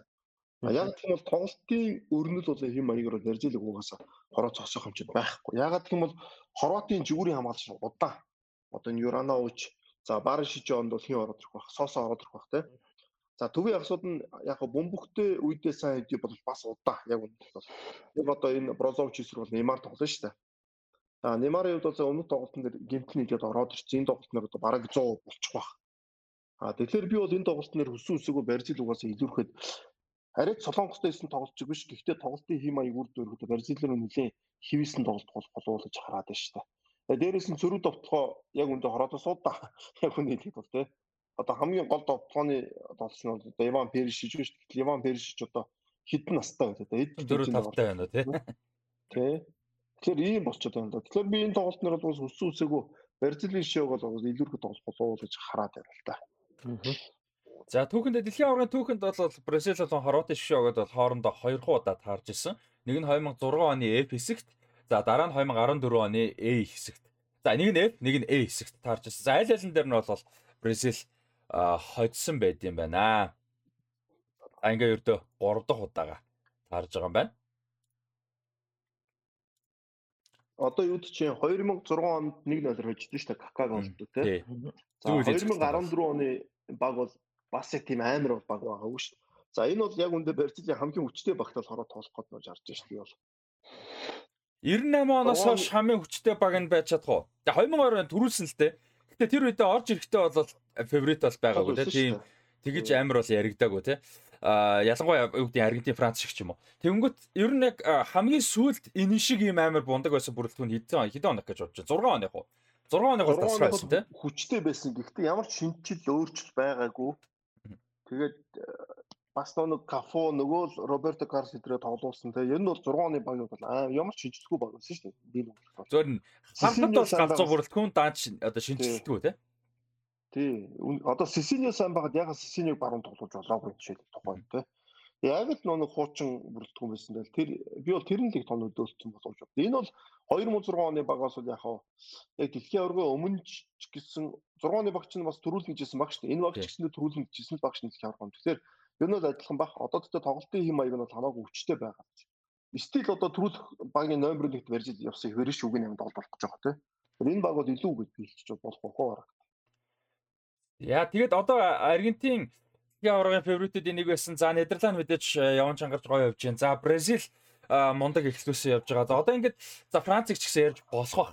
Одоо ингээд том багууд бол том гэж ярьж байгаа фаворит гэж ярьж байгаа багууд бүгдээрээ шүгийн 8-аас л одоо яг одоо том өрсөлдөгчтэйгээ дандаа очиж тархаж штэ тий өмнө нь бол ихэнхдээ арай зөөлөн арай За хэсэгт бол мэдээж арай боломжтой. За ингээ шүгэ 16-аас арай нэг зөөлөн гэж хэлчихэд буруутгааргүй ушаануу таарсан. За ингээд энэ үрээд өнөөдрийн за за ганц юм ярьч Хорватыг дуусгасан. За Хорватын шиг байгаа сая юу яасан бэлээ л да нөгөө дэлхийн аврах шалрах тэмцээний шүгэ 8-д үлдсэн багуудыг ингээд нэг задлан шинжилсэн нийтлэл байна. Тэгээд тэнд хитэн тоглогчоо ашигласан байгаа. За Бразил бол 26 тоглогчоо ашигласан. Гол тоглогч нь ерөөхдөө амралттай байгаа. За Хорват бол хамгийн бага буюу 18 тоглогчд ашигласан юм. Тэгээ гол тоглогч нь бол амралт бол жоохон таараа байгаа гэсэн бас мэдээ байгаа. Тэгээ дээрэс нь угаасаа ирчүүч хурдтай тоглолттой биш гэхээр бас ер нь бензин дуусчих магадлал өндөр байгаа даа шүү дээ Бразил дээр тий. А Бразилиас Габриэл Жесус бол Алекс Телс хоёр өрхөд баг тэмцээнд дуусчих болно да. Тэгсэн тэгсэн. Хоёр тоглогч. Тэгээ Шигшавагийн зүгээс тухайн клубүүд рүү холбогдсон байлаа. Севиа болон Арсенал руу холбогдоод энэ тоглогчдыг Катарт үлдээх үү эсвэл тус тусын клуб руу нь явуулах уу? Та клубүүд өөрсдөө имчилгээгээ хийх үү гэдэг саналыг бол тавьсан байгаа юм байна. Хэд хоногийн өмнө тавьсан зүгээр хариуг нь бол би бол олж мэдээгүй. Э, тэмцээн нь бол дууссан. Тэг ихэнхдээ яг юу яадаг те нөгөө клубүүд чинь клубүүдийн эмчилгээ эмч эмнэлэг тэд нар бол илүү байдаг шүү дээ. Ялангуяа дэлхийн хэмжээний том клубүүдийнхаа. Гэхдээ энэ нөхцөлд тэр хоёрын юу гэдэг ингээд ойрын хугацаанд эмчилгээнүүдийг нь хийгээд байх боломжтойг бол тоглогч нь өөрсдөө үлдээлгэх баг. Бүрэлдэхүүнтэйгээ хамт уур амьсгал те мэдрэмж айгу олон тал дээр бид ч одоо бас том experience шүү дээ те дахиж олохгүй. А нэрэ нэг ийм зүйл байгаа. Бразил дээр хэлэхэд За Бразил бол шүгэн 8-д бол 1990 оноос хойш 90 онд яг шүгэн 16-д Аргентинд точигдсон. Түүнээс хойш дандаа дор хаяж шүгэн 8-д үлддэг. А одоо хүмүүсийн нэг анзаараагүй нэг маш чухал зүйл байгаа. Бразил яагаад том тэмцээнд хасагддаг вэ гэж. Бразилийн үеийн үе гол сул тал юу вэ гэж. Тэгээ энд бол юу вэ гэхээр Европын багуудтай тоглож хасагддаг. А чөлөө цогтоос стандарт цогтоос дандаа гол болдог гэж. За 1998 оны дэлхийн арга шалралт тэмцээн Зидан хамгийн чухал мэж 2 мөргөд булангаас 2 хийчихсэн. А 2002 онд бол Бразил төрүүлсэн. А 2006 онд Терри Анри одоо Зиданы дамжуулалтаар стандарт цогтоос гол хийсэн. За 2010 онд чи юу вэ? Снейдер. Тийм тий. Тий. Мелогийн нуруудаас гараад ирдэ шүү дээ. Тий. За 2014 онд нөгөө Германд 7 ноор хожигдохдоо Томас Мюллер бас юу яасан юм бэ? Стандарт цогтоос энэ олон гоолыг бол эхлүүлсэн юм. Тэгээд ерөөсө Бразилийн шгшааг бол ерөөсө ийм зүйл байт юм байна. Тэгээд титэгээд энэ дасгалжуулагч шигшаа баг аваад дэрсээ гол проблем юу байсан бэ гэхээр стандарт цохилтыг яа зогсоох вэ гэдэг дээр бол байсан. Аа тэгээд манай хүн Англи Манчестер Сити клубээс 2018 оны дэлхийн аврах шалралт тэмцээний туршлага судалсан. Фернандиньо гэж одоо Бразилийн шгшаагийн тоглож тухай Сити тоглож байсан. Фернандиньогоор дамжуулаад Пеп Гвардиолатай холбоо тогтоогоод тэгээ Манчестер Сити дээр нэг зочилсан юм. Тэгээд Титэгийн асуусан гол зүйл юу гэхээр Манчестер Сити бол нуруугаар тийм өндөр баг биш ээ. Них өндөр баг биш. Гэхдээ Манчестер Сити стандарт цохилтоос баг багтаа бол гол алддаггүй.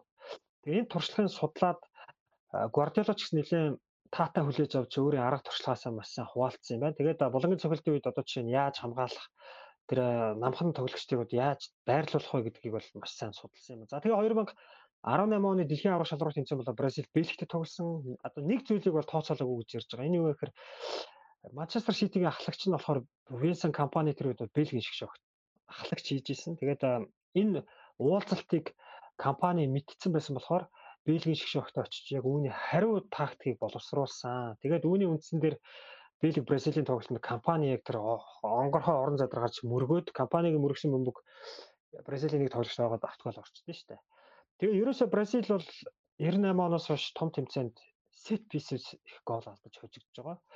Аа яг одоохондоо солонгос ч гэдэг юм уу ийм багуудтай тоглол. Яг Европын хүчтэй багуудтай тоглоод ирэх үед энэ ялгаа энэ нөгөө мөнхийн гэх юм уу энэ уламжлалт алдаа нь гарна гэж хүмүүс бас тооцож байгаа юм байл шүү. Тийм учраас Militao Marquinhos Thiago Silva гуруула багт бас болж байна те. Аль аль нь одоо тэр тал дээр тоглолтын дээр их сайн шүү дээ. Тэгэхээр Ер нь Tego Silva байгаа нь яг тэр талаар айгүй том давуу тал бол тоо тий. Болонгийн цохол бол одоо жиггэн оны Tego Silva шихун өдөрдөг. Сид бас давуу талнаас баг өөрөөгөө ахлагчиг тоглогч л доо ялгаа байхгүй. Тэгээ дээрэс нь сайн хаалгачтай байгаа тий. Тэгвэл 18 онд Thiago Silva, Marquinhos хоёр байснаг үл байсан. Одоо өнөөдөр байгаагаасаа илүү залуу байснаг үл бас байсан шүү. Тэрийг бас марч болохгүй ээ. Айлисон байсан шүү дээ. Тий. За айлисон бол одоо бол илүү туршлагатай болсон баг тий. 18 оноо бодоход. За тэгээд энэ үрээд өнөөдрийн дугаарын дугаар талдаа орж байна. А бид энэ чэнэ завсарлаад дуусгана. За тэгээд мэдээч завсарлаад үргэлжлүүлээд одоо нөгөө талаа яриа тэгээд өнөөдрийн ивент тэтгэгчээр альжиж байгаа Хаспагтны хамт олондоо баярлалаа. За Хаспагтны хувьд бол дэлхийн аваргын тусгай гоё карт гаргасан байгаа. За тэгээд энэ картаар бол гоё худалдаа болтууд хийгээд юу ажиллах нь маш олон төрлийн урамшууллуудад оролцох боломжтой маань Хасбанкны аппаараа шууд захиалах боломжтой. За энэ ч илүү гоё харагдаж байна тийм. Инхээр илүү тод харагддаг юм ба шүү дээ. Тэгж байна. Карта нуугараа байна. За. За тийм байна. Тэг шууд нэрээ гаргачлаа. За. Нуугараа. Тийм байна. Төрөөнийх дээр ер нь нуух байсан ба шүү дээ. Мартаад яач. За, тийм байна. Тэгээд а юу ягаараа? Карта захиалцгаагаараа тэгээд хас багны хамт олондоо баярлалаа. За тэгээд бид нар ичээ завсарлаад 2 дугаар хэсгээр 2 дугаар үеэр уулзцгаая. За ингээд Шого Брата шоу подкастын өнөөдрийн дугаарын 2 дахь хэсэг 2 дугаар хагас эхлэхэд бэлэн болж байна. За 2 дугаар хагасын эхний тоглолт Англи Сенегал, за дараагийнх нь Франц Пош гэсэн тоглолтууд байгаа. За мэдээж шүгэний 8-д бол Англи болон Франц гэсэн юм гайхалтай нэгэн сонирхолтой тоглолт бол таарсан байгаа. За Англи Сенегалыг 3-1 харьцаатай болгож 3-1 харьцаатай болгож авсан. Франц Польшийг 3-1 харьцаатай болгож авсан байгаа. За энэ тоглолтуудын талаар яриа. За эхлээд Англи Сенегалыг ярих уу. За би эхлэх үү. За тийм. За тийм. За тэгээ. За Англи Сенегалийн тоглолт болохын өмнө Сенегалийн шигшээ угаас багийн хамгийн гол одоо тоглогч Идрис Гана Гэй одоо юу болсон байгаа хуудастай холбоос тоглох боломжгүй болсон. За дээрэс нь Шефу Куятагийн хувьд бол эхний тоглолтод гинэлсэн энэ тоглолтод оролцох боломжгүй болсон. За ингэснээр Сенегал 2021 оны Африкийн чамд төрүүлсэн багийн хамгийн чухал 3 тоглогч энэ тоглолтод тоглоогүй. Энэ хоёр тоглогчтой нэрхэн Сади Мане гэдэг. За тэгээд ийм Сенегал бол тоглохоор болсон. За Английн шигшээ бол одоо бүрэн бүрэлдэхүүнрээ байсан. За гэтээ Рахим Стерлингийн хувьд гэрт нь нэг зэвсэгцэн ихтгэлүүд хамлаад эхнэр хүүхэд нь байсан. Тэгээд тэрнээс л шууд одоо англи руугаа буцсан Рахим Стерлинг бол энэ тоглолтод бол орж боломжгүй гэдэг тийм мэдээлэл гарсан. За Бен Вайтийн хувьд бол бас нэг хувийн шалтгааны улмаас дэлхийн аваад ингээд дууссан байна. За тоглолтын өмнө бол нэг иймэрхүү төр зураг болсон. За энэ тоглолт бол тэгээд одоо 19 настай Jude Bellingham гэж тоглож байгаа тайлан тоглолт маяг юм болсон доо яг үнэхээр бол энэ тоглолт бол талбай дээр ямар ч тайвын чөлөөтэй 19 настай багийн хамгийн том дид нь болцсон байна. Дээрэс нь Англид одоо юу гэдэг энэ бол 18 оны баг шүү дээ. 18 оны баг дээр ингээд 21 онд Сака орж ирэл, Foden орж ирэл шинжилүүд хийж байгаа. Энэ жилийн хамгийн том шинжил нь одоо Jude Bellingham болж байна. За оюутчиндээ цус хэлбэлт шинжил гэдэг бол заавал олон тоглогч байх албагүй тий. Үнэхээр нэг сайн чанартай тоглож орж ирэх юм бол багт одоо асар том 2 3 тоглогч хэмжээний цус хэлбэлт болно гэдгийг энэ Jude Bellingham-уудад болж харуулсан л да. За тэгээд тоглолтын эхний өдөр Англи 2 гол оруулаад энэ тоглогч хоёуланд нь одоо голын эхлэлийг тавьж гисэн. За тэгээд 19 нас 158 өдөртөө эхний хувьд бол Jude Bellingham 66 оноос статистик одоо хөтөлж эхэлснээс хойш хасагдсан шатанд өгсөн Английн шиг хамгийн гоолын одоо дамжуулалт эзэн болсон байгаа. Энэ бүр хасагдсан шат биш бүр дэлхийн аваргын юунд юм бэ штэ. Тоглолтод юм байна. Тим одоо түүхийг бүтээсэн байна. За Phil Foden-ийн хувьд бол 22 нас 190 оногтой одоо хоёр голын дамжуулалт өгсөн а юу болсон юм байна. Луис Назаро del Lima Роналдо ш Роналдогийн дараа хоёр дахь тоглож байсан. Роналдо 98 он дайны эсрэг тоглоход 21 нас 284 оногтой. Ревалдод нэг нэг нь Ревалдод өгдөө. Нөгөөх нь би санахгүй. Дахиад Ревалдод өгсөн байж магадгүй. Ревалдож хоёр идэв шүү дээ. Роналдогийн дараа одоо хоёр дахь тийм залуу тоглож болсон юм байна. За ингээд дарахаар юу харж юм Английн шгшөөг маш залуу баг гэдэг нь зөвхөн энэ статистикаар гарааны бүртгэнд харахад бол шууд тодорхойлж байгаа. Харри Кейний хоёр талд тоглож байгаа Филвуд нь Букая Сак хоёр залуухан тий. За тэдний ард тоглож байгаа Жуд Беллинgham залуухан болж байна. Дандаа 21-оос доош настай. За тэгээд Харри Кейний хувьд том тэмцээнд 11 гол оруулсан. За Английн бүх цагийн лидер болж байгаа юм. Яг тэгвэл Гари Линекер 10 гол оруулсан байт юм байна. А Харри Кейний хувьд бол 7 голыг дэлхийн аварга дөрвөн голыг Европын аваргад оруулсан гэдэг ийм үзэлтээр ямарчсан. Аа шигчөөгийн бүх цагийн одоо дэлхийн болон том тэмцээний мэрэгэн буч ийхүү болж явж байгаа юм байна. Англиэр бол нэг ярих тийм. Тийм, Кений хувьд болохоор юутай түрүүний Пеле Неймар гэдэгтэй их ойролцоо юу болж байгаа юм байна. Англи шоугийн түүхэнд шоугийн төлөө А бүх цагийн мэрэгэн буч бол Wayne Rooney 53 голыг оруулсан байдаг. Бол Harry Kane сая 1 голыг оруулснаар 52 дахь гоолоо оруулж нэгхэн голын ард бас ирж байгаа юм байна. За энэ дэлхийн аварга дээр ингээд а 3 4 улсын одоо бүх цагийн мэрэгэн буучид тодорхой юм боломжтой болж байгаа юм. За дараагийн тоглолтын дээр хэдүүлээ ярих дээр бол бүр тодорхой болсон шүү дээ. Тэгэхээр за нэг юм түүх юм байна. За Jude Bellingham-ийн хувьд бол сая энэ тоглолтод ингээ оролцсноор мэрэгжлийн карьертай Английн үндсэн шгшээ одоо ахлахтай үндсэн шгшөөгийн төлөө 21 дэх тоглолтод оролцсон. Дөнгөж 19 настайдаа 21 дэх тоглолтод оролцож байгаа. За ирээдүйд бол одоо бүх цаг үеийн Английн шоугийн төлөө тогсон одоо рекордыг бол домогт хаалгач Питер Шилтон эзэмшдэг 125 тоглолтод оролцсон байдаг. Жуд Беллингем дөнгөж 19 настайдаа 21 тоглолтод оролцсон байна. Тэгэхээр одоо яг Одоогондоо 100 тоглолтын зөрүү байна. Гэхдээ дөнгөж 19 дэ гэдэг бол үнэхээр бас аимшигтай тий. За яах вэ? За энэ удаагийн дэлхийн аврах шалралт тэмцээнд оролцож байгаа 32 багаас хамгаалт маш сайн 2 баг байна. За яг 32 баг бол бүгд гол алдсан явж байгаа. Гэхдээ яг энэ дунд ингээд бас нэг жоохон задлан шинжлэх юм бол хамгийн сайн хамгаалттай хоёр баг нь бол Англи болон Марокко улсын шиг шавь байна. За Мароккогийн баг шүгийн 8-д үлдэх хүртэл ердөө ганцхан гол алдсан. Энэ нь хэсгийн сүүлийн тоглолтод багийн хамгаалагч нь өөрөө хаалганд авт гол хийсэн. За тэгвэл Агарт хийдэг тий. Тий, Наиф Агарт хийдэг. За Английн баг бол хэсгийн ихний тоглолтод Ираныг 6-2-оор хоцсноос хойш 3 тоглолт дараалж хаалганд гол олдог гэж байна. Энэ одоо үзүүлэлтийг хүмүүс бас нэг нэг анзаарах анзаарах анзаарах. Тэгэхээр энэ одоо Английн хувьд бол одоо ямар том үзүүлэлттэй гэдэг нь бол харагдана. За Английн хөлн бөгөөс ийм байлээ. Аа Гарат Саутгейт авснаас хойш одоо хуучин англич бас их сонирхолтой хөлн бөг үзүүлдэг байсан нөгөө илүү довтлдог, алсын дамжуулт өгдөг, тулалддаг. За Саутгейт авснаас хойш яг тийм өцөөштэй зүйл бол жоохон багассан. Яг үннийг хэлэхэд. А гэхдээ үр дүнгийн төлөө маш сайн тоглодог байсан. Сенегалийн шиг шогтойсэн тоглолт гэсэн яг тэр бол харагдсан. Одоо эхэндээ бол Сенегал бол давуу тоглосон шүү дээ.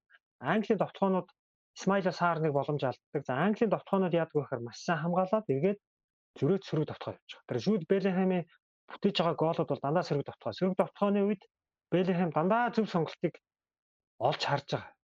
Одоо зөв шийдвэр гараад тэр нь гоолын одоо маш том үндэс болж байгаа. За дасгалжуулагчийн хувьд бол энэ тоглолтод юу яасан? Фил Фовдник гараанд гаргасан мөн Jordan Henderson-ыг гаргасан. Henderson бол өмнөх тоглолтууд бол төдийлөн багтаа үүрэг гүйцгээгүй. Энэ өдөр одоо маш өлсгөлэн Henderson гарч ирж маш сайн тоглосон. Энэ багийн довтлогоо хамгаалт ерөөсөө ойрд үзээгүй Jordan Henderson-ыг бол бид нар бол үзсэн. А түүнээс гадна Phil Foden хинтээч нэг холбоотой биш. Sterling ер нь байсан ч гэсэн Phil Foden ер нь энэ дэлхийн аврах шалралт тэмцээний дунд явцад дунд хэсэгт бол англи шиг шавын гарааны тоглогч болох нь бол нэг цаг хугацааны асуудал байсан. Энийг бол мэрэгчлүүд бичижсэн. Зүгээр анханаас нь тоглоулаад ингэхүү эсвэл бүр илүү ингээд номыг хол хараханд бол жоохон хоошо татах хэрэгтэй гэдэг шиг э, ийм зүйлийг бол бичижсэн. Одоо ер нь бол би хэнийг фовдыг бол ингээд гарааны ирэхээ баг авчлаа гэж би бол бодож байна. Санал нийлж шүү. Ингээд Foden, Saka, Harry Kane гэсэн ер нь довтлоо тогтчуу да тий. Одоо ерөөсөө энэ гараа ер нь явах бах. Тэгээ Английн шиг шогийн өмнө одоо юу гэдэг 4 2 3 1 гэсэн байралтай тоглоод одоо Месси Маунт товтлогчийн хамгаалалт шиг үүрэг гүйцэтгээд ард нь Райс, Беллинхэм хоёр тоглож исэн. Яг Беллинхэм бол центр л дээ. Хамгаалтанд туслан урагшаач орно. Гэтэл одоо энэ тоглолтод бол 3 хас хамгаалагчтай тоглосон. Хендерсон, Райс, Беллинхэм гэдэг. Одоо ер нь энэ нь бол англичууд талбайн төвд нэг хүний давуу тал бол дахиад үүсгэж чадсан. За тэгээд энэ болж байгаа хасагдах шатанд болж байгаа энэ тоглолтоо бол ер нь цаашаа өргөжлүүлэх байх. Энэ гарааны бүрэлдэхүүндээ төдийлөн өөрчлөлт оруулахгүй байх. Яг нь Стерлинг ирлээхэд эхний солилцоо ч юм уу тий бас нэг тим үүрэгтэйгээр илүү дараа дараагийн тоглолтод орох болов уу гэж таамаглаж байна. Энэ бол яг санал нийлж байна л да. Одоо жишээлбэл Жордан Хендерсон төвийн хагас дээр орж ирснээр одоо энэ залуу тоглогч алдаануудыг их басгаж өгч байгаа юм л да. Дээрээс нь Жордан Хендерсны яг Премьер Лиг тоглодог байрлал нь шүү дээ 4 3-ын баруун тал дээр тий. Тэр яг өөрийнхөө хамгийн сайн тоглодог байранд амарчсан ингээд тоглож байна. За нэг асуудал байгаа нь Магуайр 2 удаа алдаа гаргасан энэ тоглолтод. Магуайр 2 удаа алдаа гаргаад Сенегалийн шиг шогт бас боломж үүссэн. Энэ нь одоо Английн шиг шогийн хөгжийн дэмжигчтэй бас жоох санааг зоож байгаа нэг хүн байна байна. Тэгээ ялангуяа одоо том багтаа тоглохоор топ класс давтагчтай багтаа тоглохоор тэр асуудал хэрвээ алдаа гарвал өвшөхгүй шүү дээ тийм. Илгүй яах вэ? За англ дээр нэмж явах зүйл байгаа.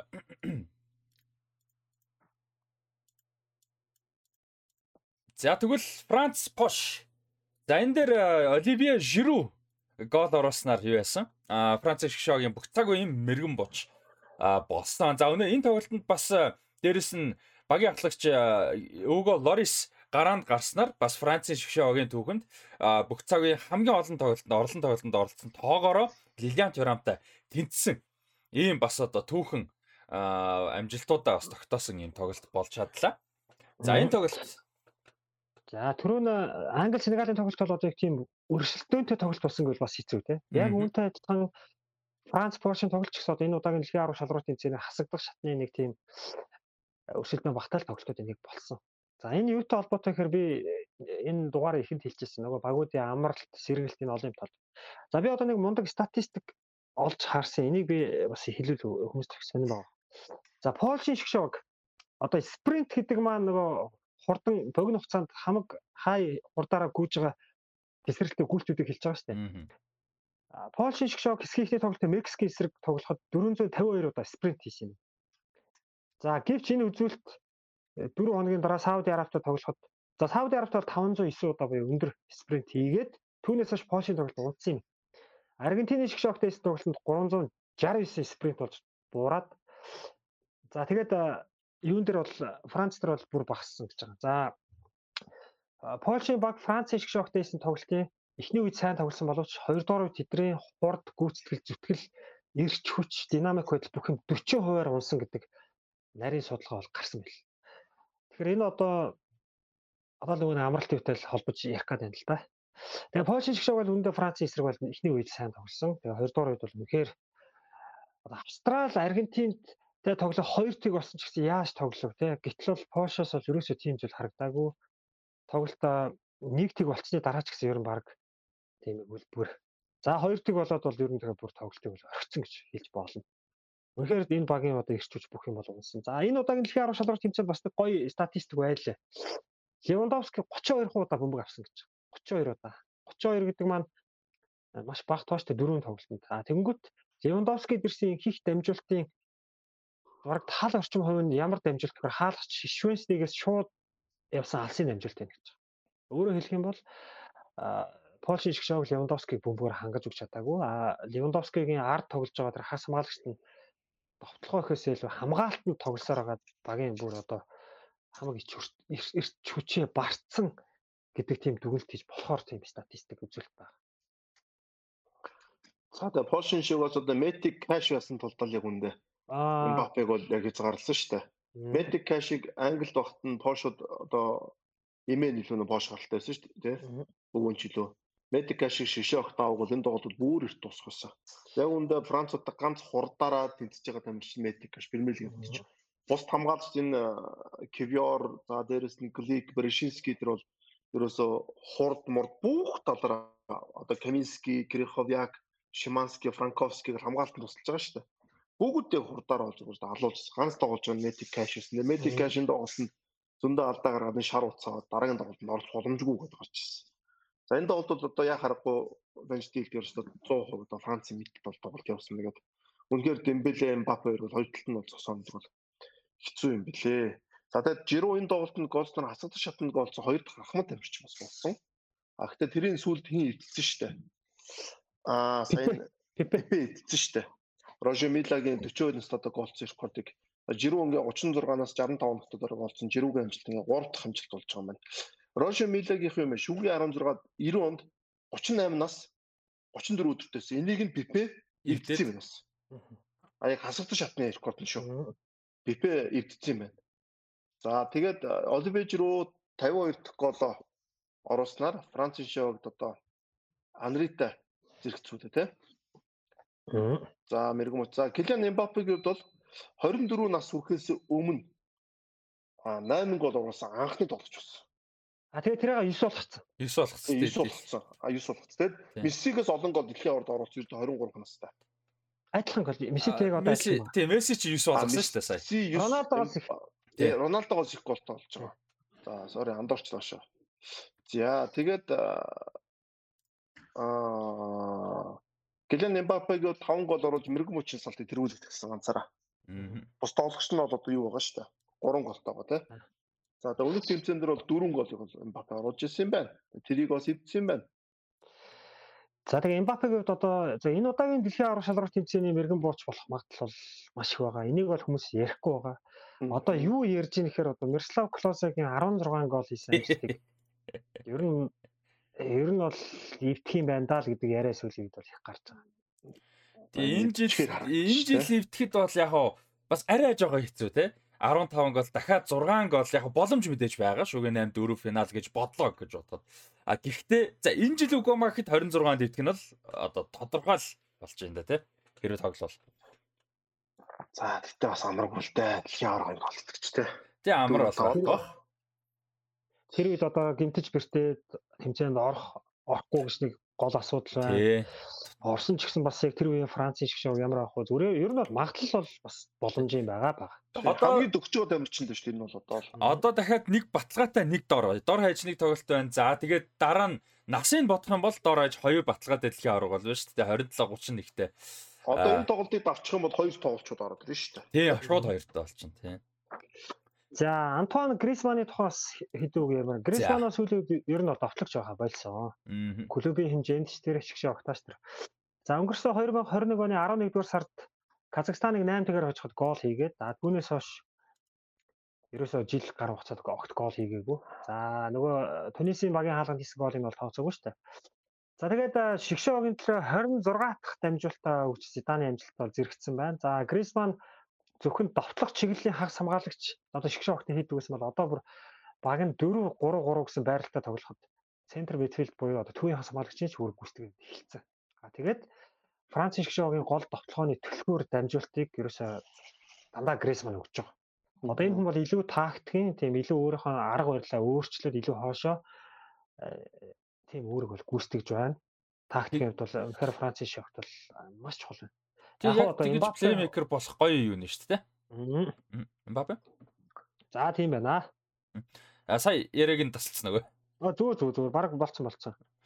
Тэгээд яг өөрөө багтаа айгуугаа хэрэгтэйгээр хувирч чадж штэ. Тэгээ одоо Дембеле, Мбаппе ийм амар формтой дээрэс нь Жиру зөвхөн финишер биш бас одоо агаарын бүмэн дээр те хоёр дахь бөмбөг баг нь авахд их хоёр нэмэр оруулдаг штэ. Ялангуяа 18 онд тэр нь гарч исэн. А тэгэнгүүт Грисман яг өөрөө айгуу гой хувраад илүү плеймейкер талдаа тоглоод эхлэхээр багтаач хэрэгтэй дээрэс нь өөртөө тэгээ тоглоход орон зай гаргаж ирж шүү дээ. За дээрэс нь Оливе Жиру гэж маш хаттай тоглож байна карьерийн үед. За хаттай нь энийг өөрөө ашиглаж чадж байна. Жиру санаж байгаа бах те. А Францаас Арсенал дээр Арсенал тоглож исэн Челси одоо ингээд Милан тоглож байна. За клубын карьер надтайгаас гадна Шигшээгийн карьер нь бол ерөөдөө Жиру бол Францын номер 1 товтлогч бол идэж байгаагүй шүү дээ. Нэг өгүүлэхэд бол Францын номер 1 товтлогч бол ерөөхдөө хэн байсан?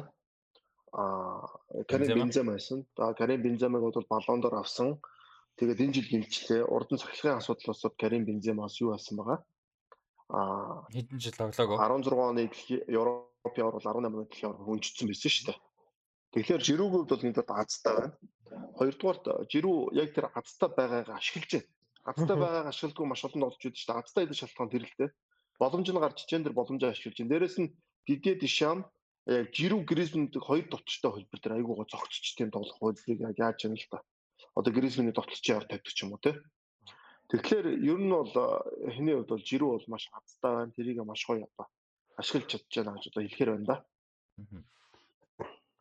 За тэгээд шүгийн 8-д Англи Франц хоёр таарсан байгаа. За түүхэндээ бол Англи Франц хоёр ердөө хоёр хуу удаа дэлхийн аврагт тогсон байт юм байна. Нэг нь Англи төрүүлдэг 66 оны дэлхийн аваргын хэсгийн шатанд Англи Франц таарсан. Англи 2-1 харьцаатай Францыг болгож авч ирсэн бол дараа нь 1982 онд Испанд болсон дэлхийн аваргт эхний хэсгийн шатанд бол Англи Францаар таарад Англи мөн Францыг 3-1 харьцаатай болгож авсан юм байна. Тэгэхээр дэлхийн аваргын түүхэнд энэ хоёр бол хоорондоо 2 хуудаа тогссон. А бүр нэг нь 66, нэг нь 82 онд. За тэгээд хуйланд нь Английн шок хожиж исэн юм байна. За энэ бол шүүгийн 8-ын хамгийн онцлог.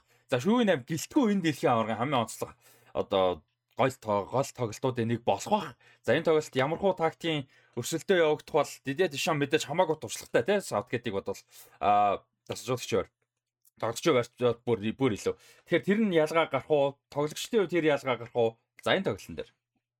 За энэ тоглолтын тухай би эхлээд нэг ганцхан баримт хэлчихье. Юу гэхээр энэ удаагийн дэлхийн арга шалралт тэмцээний тактикийн бас нэг одоо юу гэдэг нэг тренд гэх юм уу да олон янзын тренд байгаа. Түүний нэг нь бол том багууд хамгаалдаг болсон. Одоо жишээлбэл түрүү Нидерланд хамгаалж ийн гэж хэлсэн. Одоо Франц бол Польшд бол хамгаалсан шүү дээ. Польш бөмбөг эзэмшлэлтэр илүү байсан. Яг хөө тэгээд сүүлдээ Польшууд нэг тоглолтоо баг орхиод гэх юм уу тэр үед бол Франц илүүрхсэн. Яг бусдаараа бол Франц бол хойш сууж хамгаалж. За Францын тактикийг дасгалжуулагч Дидье Дишам 2018 оны дэлхийн аврал шалралт тэмцээний эхний тоглолтод Австралитай тоглоход яг энэ тактикийг бол хэрэгжүүлсэн. Гэвч Австрал нөгөө орохгүй Франц хоошоо суучаад идэг. Австрал нь нэвтэлж орохгүй байгаад идэг. Тэгээд нөгөө тоглолт нэг жоохон уйтгартай болоод хүмүүс шүүмжлээ. Тэгээд төгсгөлт Франц өөрөө довтолж иж төгсгөл хэсэгт бол тоглолтын үзэг шийдэжсэн. Аа тэгээд тэр тоглолтын дараа Дишам маш их шүүмжлүүлээд тэгээд түүнээс хойш Франц довтлосоор хагаад тэмцээн төрүүлж исэн. Аа яг одоо болохоор Дишам тэр яг Австралтай хийсэн тоглолтоо энэ тэмцээн дээр хэрэгжүүлээд байна. Аа Франц Польшийн тоглолтод Польш илүү бөмбөг эзэмшээд байна шүү дээ. Тэгээ Франц хоошоо ингээд суудаг нь ямар учиртай вэ гэхээр Францын эсрэг довтлого маш аюултай. Дембеле Эмбапе гэсэн хоёр аюул байгаа. Эсрэг багийг нааша оруулж ирээд оруулж ирж одоо хойно хамгаалагчтайхны ард нь том зай үлдээ. Тэр зайн дээр л сөрөг довтлогоо хийнэ гэдэг тактикийг бол Дишан бол өөрөө барьж байгаа. За Английн шиг шоктэй тоглолтод яг хавар Англи бол сайн бөмбөг эзэмшиж байгаа баг. Англид бөмбөгөө өгөөд Франц хоошоо суух бах. Аа тэгээд англичуудын нэг довтлогоо жоохон муу боллоо гэд. Сайн төгсгөл гэдэг чинь мэдээж гол орохыг хэлж байгаа. Бас бөмбөг гарахыг бол хэлж байгаа шүү дээ. Аа Хэрвээ тэр төгсгөл нь муу болоод хаалгач бариулдаг ч юм уу тийм болох юм бол энэ нь бол Францын хувьд бол эргээд маш аюултай тоглоом. Францчууд яг ийм тоглолтыг л Англи эсрэг хийх гэж би дотроо хаамжилж байна. За би энэ тоглолтын дээр бол яг хуу төвийн хагас дээр л гол одоо тоглолтууд болох болов гэж бодож байна л да. Францын төвийн хагас одоо Францын сул тал нь төвийн хагас болчиход байгаа шүү дээ. Рабио Чомени гэдэг. Чомени үнэхээр гой тоглож байна. Дэлхийн аваад бол харлаа тий. А сүүлийн Польштэйсэн тоглолтод шар утас аваад тасалчлууч бол тоглолтын 2 дуурын дундуур суулгах Фофана гаргаж ирсэн. А тэгээ дээрэс нь тоглолт нийт гэдэг хожиж ирсэн шүү дээ Франц. А Англи дээр бол одоо Чүмэнэ Рабио хоёрын би бол Англи дээр бодоод байна л да. Гризмник ч юм уу энэ довтлооны эдээс нэгийг суулгаад Рабио Чүмэнэ өдөр Фофанаг ч юм оруулж ирж магадгүй гэж харж байна. 3 хасан голчтой. 4 3 3 ч юм уу тий. Нэг бол Рабио бүр зүүн рүү гүйж тоглолт юм да. Яа тий. Тэгэхгүй нэг төвийн өсөр бол Франц яг юм да Англи хийсэг барахгүй гэж харж байгаа. Одоо Дембеле, Эмбапе хоёрыг бол Английн хамгаалагч нар бол сайн хамгаална шүү дээ. Юг Шохийн хоёр бол Кай Бокер хоёр тэгж амархан алдаад байхгүй. А дээрэс нь Английн төвийн дээр энэ Жордан Хендерсон баруун руу тусалчихна. За Жуд Беллинgham болон хин Declan Rice ингээд зүүн рүү гаж илүү туслах тоглолт ч юм. Тэгэхээр би бол энэ тоглолтын дээр давуу тал нь ер нь англ байх болов уу гэж харж швэ энэ юм. А Францыг бол би төвийн хагас дээр жоохон англи сургууль жоохон цул тоглох болов уу гэж харж байна. Энэ хоёр багийн хамгийн сүүлийн том тоглолтын дээр 4 оны юу шүү дээ. Европын аврагч шүү дээ. Англи 1-0-оор хожиж байгаа. Англи бүр илүү их тиймэр болсон ч. 11-ийн Бекки мэдрээ алдсан шүү дээ. 1-0-оор хожиж байгаа тий. Рүүнэ амир байсан. Тэгээд сүүлд Зидан 2 голыг оруулсан. 2 минутанд 2 гол тий. Нэг торгуулаа цэгэлт нэг чөлөө цэгэлт тэгээд. Тий. Тэгээд тэгэхээр би энэ тоглолтын дээр бол яг англи энэ хоёрын тоглолтын дээр англи жоо илүү их байгаа юм шиг харагддаг надад. Тэгэхээр энэ өдрийн дараагийн тоглолтын дээр ч би англид илүү давуу талтай тоглолт болж магадгүй гэж хараад байна да. За Францын давуу талыг хараа. Францын давуу тал юу вэ? Эмбапе, Дембеле хоёр шүү дээ. Яг үндэ бол. Тэгээс бол Франц бүх тоглолтноор гол алдчихж байгаа. Та нар тоглолтыг харах юм бол. Франц эсгийн 3 тоглолтноор гол алдсансаа Боштер гол алдчихж байгаа. Тэгэхээр Францд бол хамгаалалт бол бас тийм амар супер бол биш байгаа гэдэгт бол болно доо. Яг хоо энэ сүүлийн хоёр тоглолтноор алддаг бол Тунис дээр ч юм уу энэ Левандовскигийн эрдэнэ нэг 99 дээр 99 төгнөд нь оруулсан гол молыг сүүлд гэж харж байгаа боловч ер нь Франц бүх тоглолтод л гол алдж байгаа багш. Тэгэхээр би англи давуу тал байгаа боловч хараад идэг. За сонирхолтой. Аа тоглолт болох нэ. За тэгвэл үргэлжлүүлэх үү? Энэ дээр нэмэгдэл байгаа юу? За үргэлжлүүлээ юу? За. За тэгээд шүгийн 16-гийн эхний одоо яг апсет гэхэд буруутахгүй байх те. А тоглолт ер нь бол их ойрхон өрсөлдөөнтэй болно гэж ярьжсэн. А гэхдээ л мэдээж одоо апсет гэхэд буруутахгүй болоо. За Морокко Испанийг буулгаж аваад гараад ирсэн тургуулын а зохилтоор тэг тэгээр харьцаатай тоглолт дуусаад тургуулийн зохилтыг бол одоо 3 тэг харьцаатай хийж дуусгасан. Испаниас нэг нь шон зогсон За тэгээд хоёрыг нь бол Ясин Боно амжилттай хаасан. За энэ тоглолт. За амжилттай тайлбарлсан дээ тоглолт зөв үү? Зөв зөв. За энэ тоглолт бол яг нэг Испани шиг шоугийн алдаал гарсан л та. Испанчууд яадаг вэ гэхээр бөмбөг бол маш сайн эзэмшдэг. Энэ удаагийн дэлхийн 10 шалралт тэмцээнд Испани ямар ч багийн эсрэг тоглосон бөмбөг бол эзэмших нь ойлгомжтой. Бразилийн эсрэг тоглосон ч ер нь бол бөмбөг илүү эзэмших баг байсан боловч Испанд хамгийн гол зүйл довтлооны үр ашиг гэдэг юм бол маш тотоо. Аха. За энэ удаагийн дэлхийн 10 шалралт тэмцээний эрхийн цэг тэмцээнд Испанчууд торгуулийн цохилтыг тооцохгүйгээр 15 гол оруулсан. А Европын одоо эрх авсан бусад багуудаас л хамгийн бага үзүүлэлт байгаа. Бөмбөг эзэмшээд байдаг баг гол хийгээд байна гэдэг бол энэ тоглооны үр ашиг бол таар байгааг бол хэлж байгаа. За энэ нь бол яг юунд дэр бол харагдсан. Марокко эсрэг мэдээж маш олон бөмбөг эзэмшсэн. Бүх зүйл илүү байсан боловч яг үр ашиг гэдэг зүйл байхгүй төгсгөл гэдэг зүйл байхгүй гэж болж Испанчууд бол хожигдсон. Үндсэн цагт бол олон нэмэлт цагт асуудлаа шийдэж чадаагүй гэж болж. За эсвэргээрээ Мароккын шгшог бол энэ удаагийн тэмцээнд орж байгаа хамгийн сайн хамгаалалттай баг. За Англи руу Марокко юу? За бараг Марокко баха. Мароккочууд дэлхийн аврах шалралт тэмцээний 6 тоглолт дараалж гол ер нь бол энэ 2022 оны 6 дугаар сараас хойш 6 тоглолт дараалж гол алдаагүй явж хагаад хэсгийн сүүлчийн тоглолтод аа өөрөө өөрийн алганд Агерт гол хийсэн шүү дээ. Канадтай тоглоход. За тэгээд түүний дараа дахиад гол алдаагүй. За сүүлийн 8 тоглолтод ердөө ганцхан гол алдсан гэсэн. За Мароккын шгшогийн ерөөсөө тактик бол маш ойлгомжтой. 4-1 4-1 гэсэн байрлалаар маш сайн хамгаалдаг. Тоглогч нь бол маш динамик, маш ирч хүчтэй, хамгаалтын нэг орон зайд бүглэхийн төлөө маш уугахгүй гүйдэг тийм баг. Тэгээд эргээд сөрөг тоглоо идэг. За тэгээд Марокчуудын хувьд бол бүх зүйл бол яг тактикийн дагуу хэрэгжсэн. Марокчууд маш сайн хаалгачтай, маш сайн төвийн хамгаалалтай, хослолтой, маш сайн хагас хамгаалагчтай. Яа ганц сул тал Марокко бол сайн довтлогч байхгүй. Юсефийн Нисери өөрөө одоо юу гэдэг хамгаалтанд хамаг зүйлээ зориулдаг тоглогч байхгүй. Юсефийн Нисери өөрөө өндөр нуруулаг чөлөө цохилт болно, стандарт булангийн цохилт хоошоо орж хамгаална, хоошоо орж энгийн тоглолт явж хамгаалаад тэгээ Нисери суухаар сайн довтлогчгүй гэдэг нь бол саяын тоглолтоос бол харагдсан. За Марокко одоо шүгэн нам жоохон хэцүү баг. Яагаад гэвэл Мароккогийн хамгаалтанд бол том асуудал үүссэн. Наиф Агер гэж одоо Мароккогийн маш сайн хамгаалагч энэ удаагийн дэлхийн аврах шалралт тэмцээний гимтэлтэй эхлүүлсэн.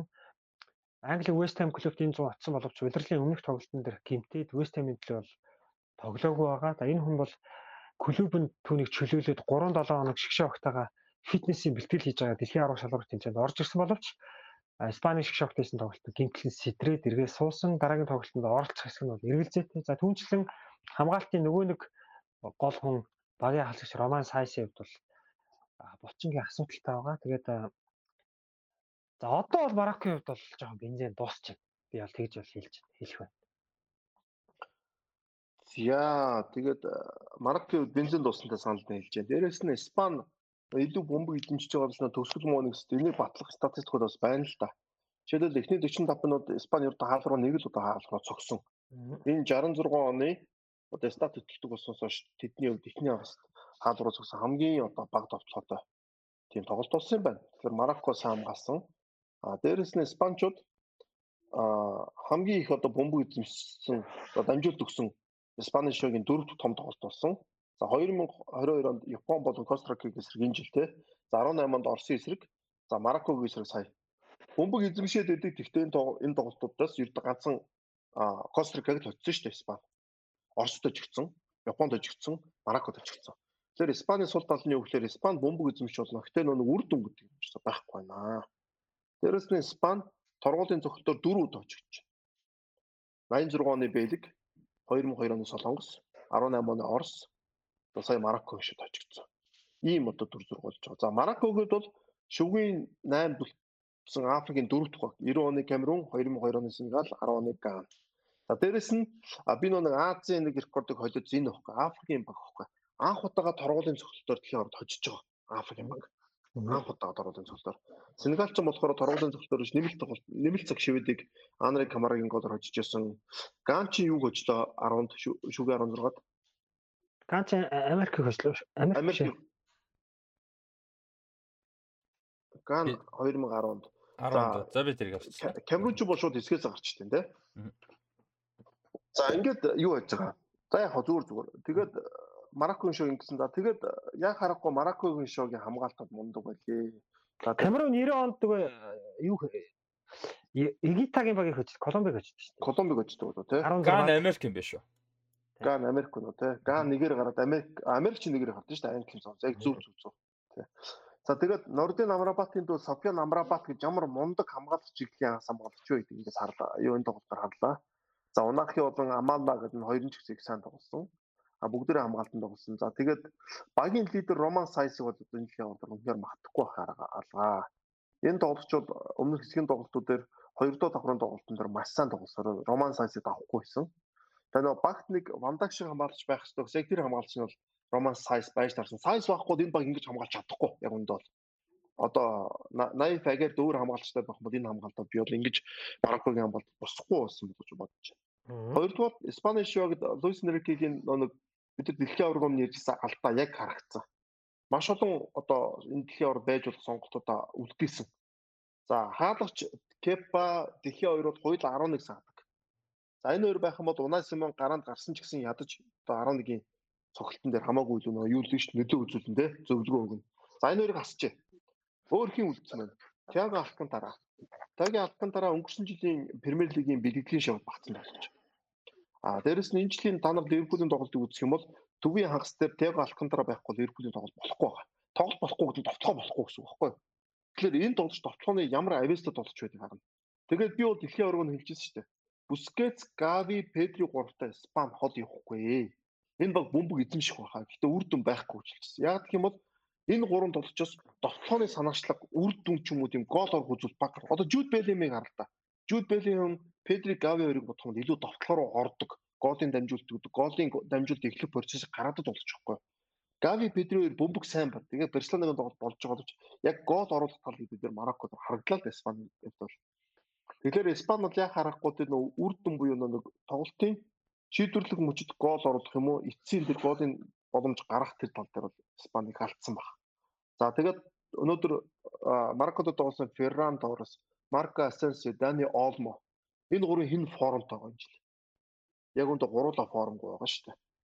Энэ хэд яг эсгийн тоглолтын дээр сайн тоглосон байж болно. Гэтэ чухал тоглолтын дээр яг харахгүй шууд мэдгэж байгаа байхгүй. Формтой байсан тоглож тухайн жилдээ сайн байгаа тоглогч ямар сайн байдгийг бид нэр өөр тоглогчдоос харж болж гэтэл ийм гурван тоглогч товтгоонд нь тоглож байна. Тэгэхээр хэн бол аа Луис Энрикегээд бол айгуу том одоо алдаа гаргацсан. Яг нөгөө юу гэж асад шатны тоглолтын дээр тоглох багийг бүрдүүлж чадаагүй болов гэж би бол харж байна. За солилцоог нь харъя л да. Нөгөө Пабло Сарабиан, Карлос Солер энэ хоёр одоо тийм өндөр зэрэглэлийн тоглогч биш шүү дээ Испани шиг. Тийм шүү. Дэлхийд ч өндөр зэрэглэлийн тоглогчд орохгүй. За Алваро Мората хийж болж байгаа. Нико Уильямс хурдтай тий. За тэгээ Ансу Фати, Алехандро Балде гэдэг. Солилцоонууд нь өөрсдөө айгуу жуул. Ансу Фатиг бол би оргийн дэлхийн ордоор эхнээс нь гараан тоглолцсон бол энэ тоглож илүү тоглосон юм болж харж байгаа юм. За юм бодлоо. За ерөнхийдөө санал нийлж байна нийлж байна. За тэгээд юу яасан? Испани шоугаар торгуулийн цогцлыг асар муу зогсон. Яг Япон шиг л зогсон. Аа. Эхний тоглогч алдаал ирэнгүүт дараа дараагийн тоглолтуудад нөлөөлөд бүр асар муу зогч шүү дээ. Тэгээд Мароккийн шиг шоугаас бол хожлын голыг бол Ашраф Хакими торгуулийн цогцолт хийж хоцсон. А Хакими бол Мадрид хот төрсөн. Тэгээд Реал Мадридын хүүхдийн академиар хүмүүжсэн. Реалын насан туршийн багт Серхо Рамостой цуг тоглож байсан. Одоо Парис Сен-Жермен Серхо Рамостой цуг тоглож байгаа. Дэлхийн аврах шалрах тэмцээнд Серхо Рамосыг орохгүй босныг мэдээд өөрөө пост оруулж байсан юм шүү дээ. А тэгээ Хакими Испани хаалганд хожлын гол хийсний дараа Серхио Рамосын голын баярыг тэмдэглэж хыга нэг дурсан сансан гэх юм да нэг тийм үйл явдал болсон.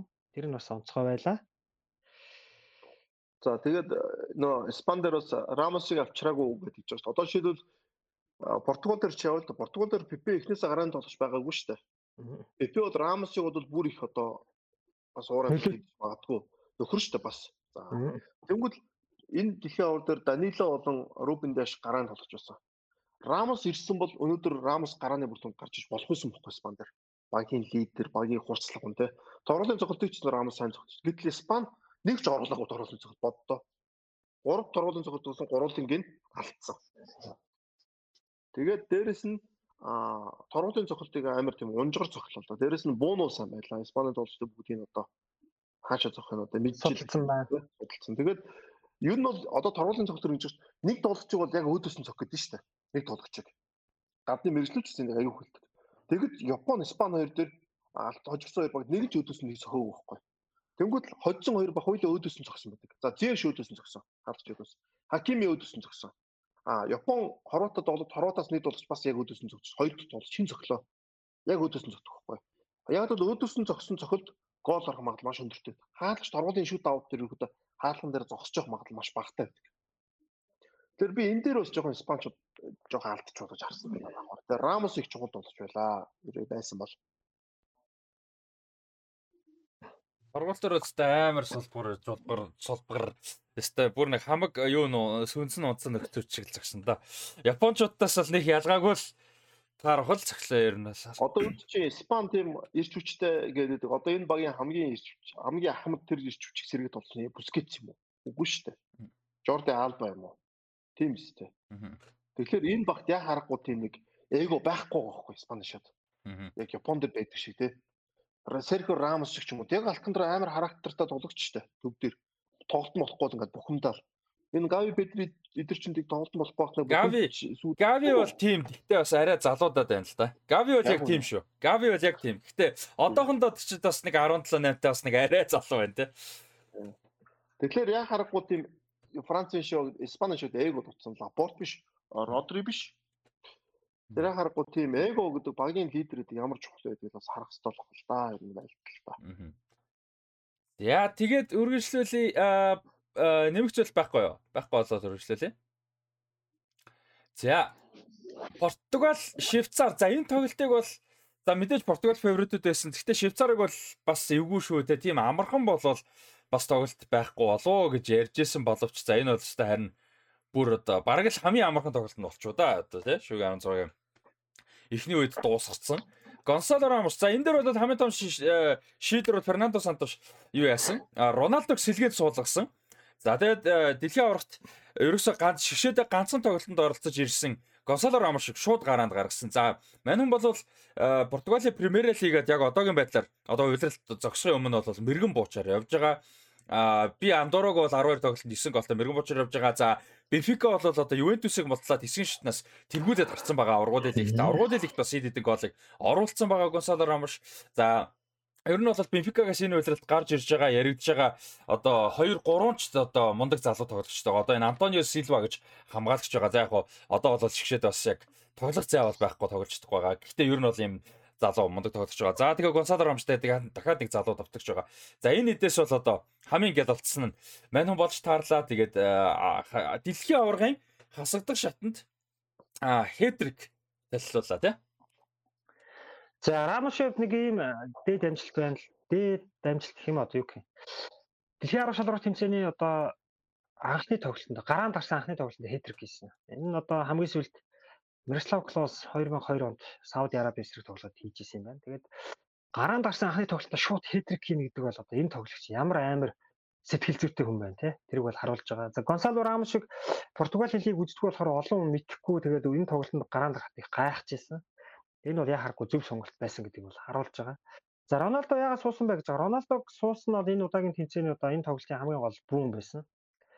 За Роналдо суусан бол хэд хэдэн шалтгаан байгаа. За Роналдо хэсгийн 3 тоглолтод гурвууланд нэгдүгürt гарааны бүрэлдэхүүн тоглосон. Ачаал ихтэй байгаа. За түүнээс гадна Солонгосын шиг шогтойсэн тоглолтын 65 дахь минутанд сэлгээнд суухтаа сэлгэд маш дурамжхан байгаагаа зүгээр шууд илэрхийлсэн. Одоо дасгалжуулагчийн шийдвэрийг бол ингээ эсэргүүцэж байгаа шууд илэрхийлсэн. Тэгээд мань хүн бол амаараа нөгөө нэг амны хайрцаг нь аваад үтсэн чинь амаа татагддаг shutdown гэдэг муухай хараал хэлсэн байлээ. За манай энэ сая хараалыг юу байгаараас дараараа би хэлчихлээ шүү. Зүгээрээ зааж хараал биш шүү. Зүгээр шүү.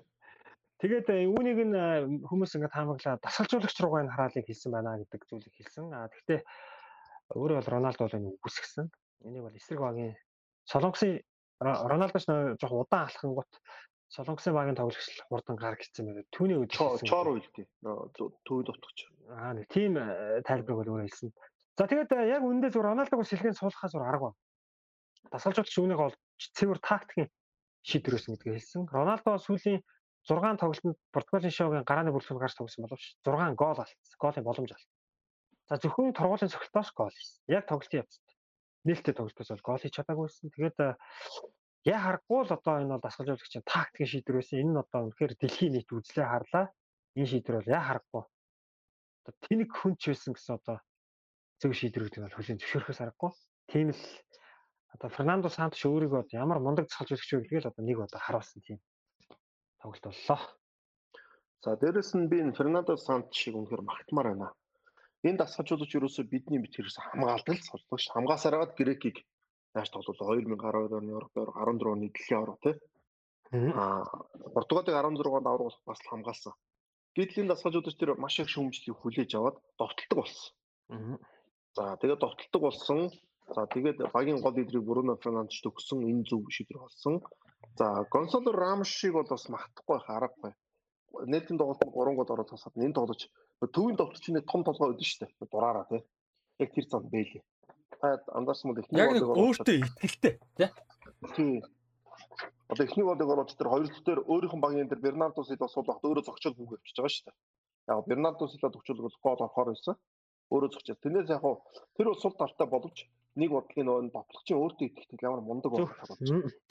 Одоо үед чинь бид нар Португалийн товтлогчдыг ярьдаг болж Роналдогоос өөр гол хийдэг товтлогч юм да байдгүй шүү дээ. Яг нийл үг. Тэрийг бол ч бүр дэлхийн аварга эхлээс өмнө ярьсан шүү дээ. Тий, клубтэл голддог болохоос яг шигшээ багтаа Роналдогоос бус голд чаддаг. За Гонсало Рамошгод энэ товтлогч бол үнэхээр голд чаддаг гэж харуулж байна. Сэтгэл зүй ямар чухал гэдгийг харуулж байна. Тэр эхнийг одоо солоороо цөм зөвтөв тий. Тэрийг бол баргийн товтлогч Бернардо Силва яг тэгж гарч ирээд товтлогоо дуусгаагүй шүү дээ. Тэрнээс хой байл тий. Тэрэн дотор ямар мундаг финишер байдгийг харуулсан. Дараагийн тоглолтод Роналдо суух баг. Тэгээд тэгээд одоо Гонсало Рамош гарахгүй бол босхгүй ч та шууд тий. Би дээрээс нь дараагийн энэ тоглолтын бас өмнө юу гэж арсан юм. За нэгдүгээр Гонсало Рамошт ингээд боломж олохоос гадна хоёрдугаарт Фернандо Сантош бол Швейцар маш сайн хамгаалтын чи эхний үе ерөөхдөө нэг гоолгуудыг тэгээ дуусчих байх таамагласан баг. Тэгээд хоёрдугаар үеэс ерөөхдөө ч юм Роналдо гаргаж ирээ 120 минут тоглоод Роналдо одоо хангалттай тоглох те ядрахгүй тоглоод торгуулын зогт хүрэхтэй юу хэлсэн. Анхнаасаа би тийм төлөвлөгөө байсан бол гэж бодсон. Тэгэхээс үндсэн цагт бол Португал Швейцарыг бол тийж амар хожихгүй шүү дээ. Нэг нэг Швейцар л муу тоглолцсон болохоос те. Муу тоглоосоо Португал өөрсдийн боломжоо шууд ашигласан те. Би бол тийм байдлаар Роналдог бас суулгасан болов уу гэж давхар бас харсан. Давхар харж байгаа. Тэгсэн чинь нөө нэг энэ яг зөвдүүд Гонсало Рамош нь хэтрик хийгээд Роналдог бол яг үзэгчд бүр ингэ нэгсээр гаргаж ирлээ олон дурдсан. Тийм зэрэг бол доолж харж байна. За Португалийн шгшог нэг юм байгаа юм. Өмнө одоо Роналдогоос бол шууд хамааралтай байсан. Тэгээ Роналдо их ойролдог ашигладаг. Роналдо ороод ирэхээр клубийн хэмжээнд тэр шгшогч тэр бусад тоглогчтой тоглох боломжийг бас өгдөггүй гэдэг дүгнэлт байдаг шүү дээ. Энэ бас үнэ. А тэгэнгүүт энэ удаагийн дэлхийн арга шалралт тэмцээн гэхэд за Бернардо Силва, Бруно Фернандеш хоёр бол Роналдогоос хамаарлаг болцсон шууд харагдсан. Тэгсэн. Одоо энэ хоёр ч одоо Роналдогийн дараа том лидерөөч шүү дээ. Аа. За гівч одоо юу гэдэг Жо Феликс болон бусад тоглогч бол яг Роналдогоос хамааралтай байгаад байсан л да. Яг Швейцарт байсан тоглолт ихний үеийг үзэхэд Роналдо байхгүй болонгот Жо Феликс өөрөө өөрөө тоглоод эхэлж За нөгөө над Рамос ч бас өөр өөр тоглоод. Юм бүгд л яг л өөр өөртөө тоглоод эхэлж байгаа. Тим зүйл бол анзаарчихсан. Зөвхөн э, Бруно Бернардо хоёр биш бусд бүгд өөрсдөө тоглоод эхэлсэн. Энэ бол бас тийм аюу том чанар байсан баг гэж бодож байна. За Швейцарын шигээс бол э, энэ жил Ньюкасланд тоглож байгаа Фабиан Шаред бол энэ тоглолт үнэхээр мотго болсон. Ерөнхийдөө тий ерөнхийдөө Швейцарын хожигдсон шалтгаан бол одоо энэ Фабиан Шар гэж болох. Яг тийм бол Нико Илведиг бол гэмтгий болмоос энэ тоглолтод орж боломжгүй болсон. Шарын одоо сүүлийн тоглолтод нэг сайн тоглолцсон. Тэгээд түүний Аканжитай гаргасан энэ тоглолтноор Фабиан Шар маш муу тоглоод түүний алдаа, түүний байрлал нөхдөхийн буруугаас болоод Швейцарч ерөөхдөө энэ тоглолтын дээр хожигдсон гол бурууд нь одоо би Фабиан Шар гэж одоо хэлэх гээд байна. Тэгээс Фабиан Шарын оронд Илбедэд болоод Шар яг Ньюкасл тоглодог юм уу тэр сүүлийн тоглолцоо тоглолцсон бол энэ тоглолтноор тэгж бас олон гол алдахгүй байсан баха. Энэ тоглолтын өмнө юу яасан гэсэн нөгөө Мурат Якин сүүл ярьслаа өгсөн байсан л та. Энэ тоглолтын өмнө бас юуны хоцолроонд одоо бэлтгэлийн бааз дээр бол ханиад ханиад гэх юм да одоо манаагаар бол одоо ханиад л юм да тий. Бас нэг юм вирус тараад тэгээ 2 3 тоглогч бол халдаад халуураад би нилээн муудсан бэлтгэл сайн хийж чадаагүй за амьсгалын асуудалтай байсан гэсэн мэдээллийг бол Мурат Якин өгсөн байсан. За тэр дунд бол одоо Фабиан Шар, Ремо Фройлер за тэгээ нөгөөдг нь юм байлаа сэлгэний нэг тоглож байсан юм а. Энэ гурав бол одоо хамгийн хүнд энэ бол нөлөөлөгдсөн. Тэгэд яг гоо энийг одоо хожигдсон шалтгаан гэж бол одоо хэлэхгүй а гэхдээ энэ бол тодорхой хэмжээнд нөлөөсөн гэж бол хэлсэн байсан. За Швейцарын шгшогт бол хожигдсон бас нэг шалтгаан юу гэхээр багийн одоо лидер, багийн хаалгач Зомрын гинтл байсан. Зомр бол 10 дугаар сар Германы цом тоглож байгаа гинтчихсэн. Түүнээс хойш тоглохгүй байгаа шууд дэлхийн арга шалралт тэмцээнд орж ирээд эхний хоёр тоглолтод тоглоод гурав дахь тоглолтод тоглоогүй шүү дээ. Тэгээ хаалгачны хувьд юу гэдэг вэ гэхээр тогтвортой байдал хамгийн чухал байдаг. Хаалгачин бол ингээд тоглолтоос тоглолтод формтой байж найдвартай байдаг бол хаалгачин дунд ингээд тоглолт өнжих завсарлахад үед химнэлээ алдсан байдаг. Одоо та анзаарах юм бол тэр эхнийг бол тэр Рамош цохоход хин явдаггүй шүү дээ. Сомор тэр булан цохоход Зоомор тийм хаалгач биш байхгүй. Тэгээ тэр юу гэхээр тэр хаалгач бол угаасаа ч нөгөө бэлтгэл бол бас бэлтгэл дутуу байна. Тоглолтын хэмнэл дутуу байна. Түүнээс болж тэгэл тоглолт эхэлж байгаа. За Бразилийн шгшогийн довтлогч Антони хэлсэн байсан. Катар маш халуун байгаа. Нөгөө кондишн үлээлгэж цэнгэлт хүрээлэн болон талбайг бол сэрэг цүүлж байгаа. За энэ бол агааржуулалтын системийг шүүмжилсэн байсан. Үүнээс болж хоолоо нөвцсөн, ханиа төрсөн гэдэг зүйлийг бол хэвлэлийн байгууллага дээр хэлсэн. А Швейцарын шгшогч гэсэн яг Катарын зохион байгуулалтын бас энэ зүйлээс болж тоглогч нараа бол ханиад хөрсөн. За энэ бол одоо юу гэдэг бүр яг шийдвэрлэх нөлөө биш ч гэсэн бас тоглолтод бол нөлөөлж л байна. Үнэхээр одоо ханиаттай дутуу амарчсан хоол аам нь болохгүй байгаа хүн бол өөрийгөө 100% гаргаж чадахгүй шүү дээ. Тэгэхээр Фабиан Шайрын тоглолтод бол энэ бол бас нөлөөлсөн байх бол үгүйсэх арга үгүйс байхгүй. Тэгвэл Португал мундаг байсныг дарж болохгүй л дээ энэ шалтгааны улмаас. А Швейцар тоглолтоо гаргаж чадаагүй ийм ийм шалтгаанууд байгаа. Яа тэгээд түрүү нэг би Бенфикагийн 3-ыг яриадсан шүү дээ. Одоо энэ дараагийн бүрэлдэхүүнээс одоо Пипи бол нас нь явж гин. За тэгээд ингээ харах юм бол Антонио Силваг айгуугаа төвийн хамаалагч байгаа. 18 байна уу 9 те. За тэгээд сая Гонсало Рамош ингээд өөрийгөө ингээд бүр дэлхий байж болохоор хамгийн том тайзан дээр зарлчлаа. За Бенфика ерөөсө хүүхдийн бүх насны бүрэлдэхүүнүүдэд яг Гонсало Рамош яг ардаас ерөөсө бүх тал дээр нь явж байгаа. Үндсэн баг дээр хүртэл одоо анх одоо сэлгээгээр орж иржтэй Гонсало Рамошоор сэлгээгээр орж ирж исэн нэг насаар дүү. Гонсало Рамошоос ганцхан жилээр дүү юу Энрико Араужо гэдээ бас товтлогч байгаа. За энэ нөхөр бол бас бужигнуулдаг нөхөр байгаа. Одоо энэ жил ингээд Бенфикагийн үндсэн бүрэлдэхүүнд тоглоод эхэлсэн. А бас их анхаарал татж байгаа. Энэ хэд бол одоо дараагийн дараа дараагийн Португалийн одоо ирээдүй болж тоглох юм гой тоглогч бас байгаа шүү. Тэгээ үзэж байгаа сонсож байгаа. Цээжлээд аваарай. Боломж нь гарвал одоо аврагуудын лиг дээр бас Бенфикагийн тоглолтыг үзээрэй те. Госодор Амаш Антонио Силва антер бүгд тоглоно шүү дээ одоо. За тэгээд Испани э, Мароккод хожигдоод э, Швейцарыг Португал 6-1 хавцаа болгож авснаар.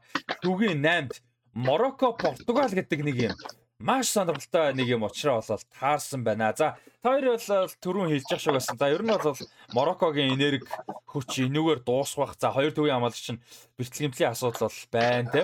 Форм асуудал бол. За форм биш юм баг бэртлэгэмтлийн асуудал байгаа.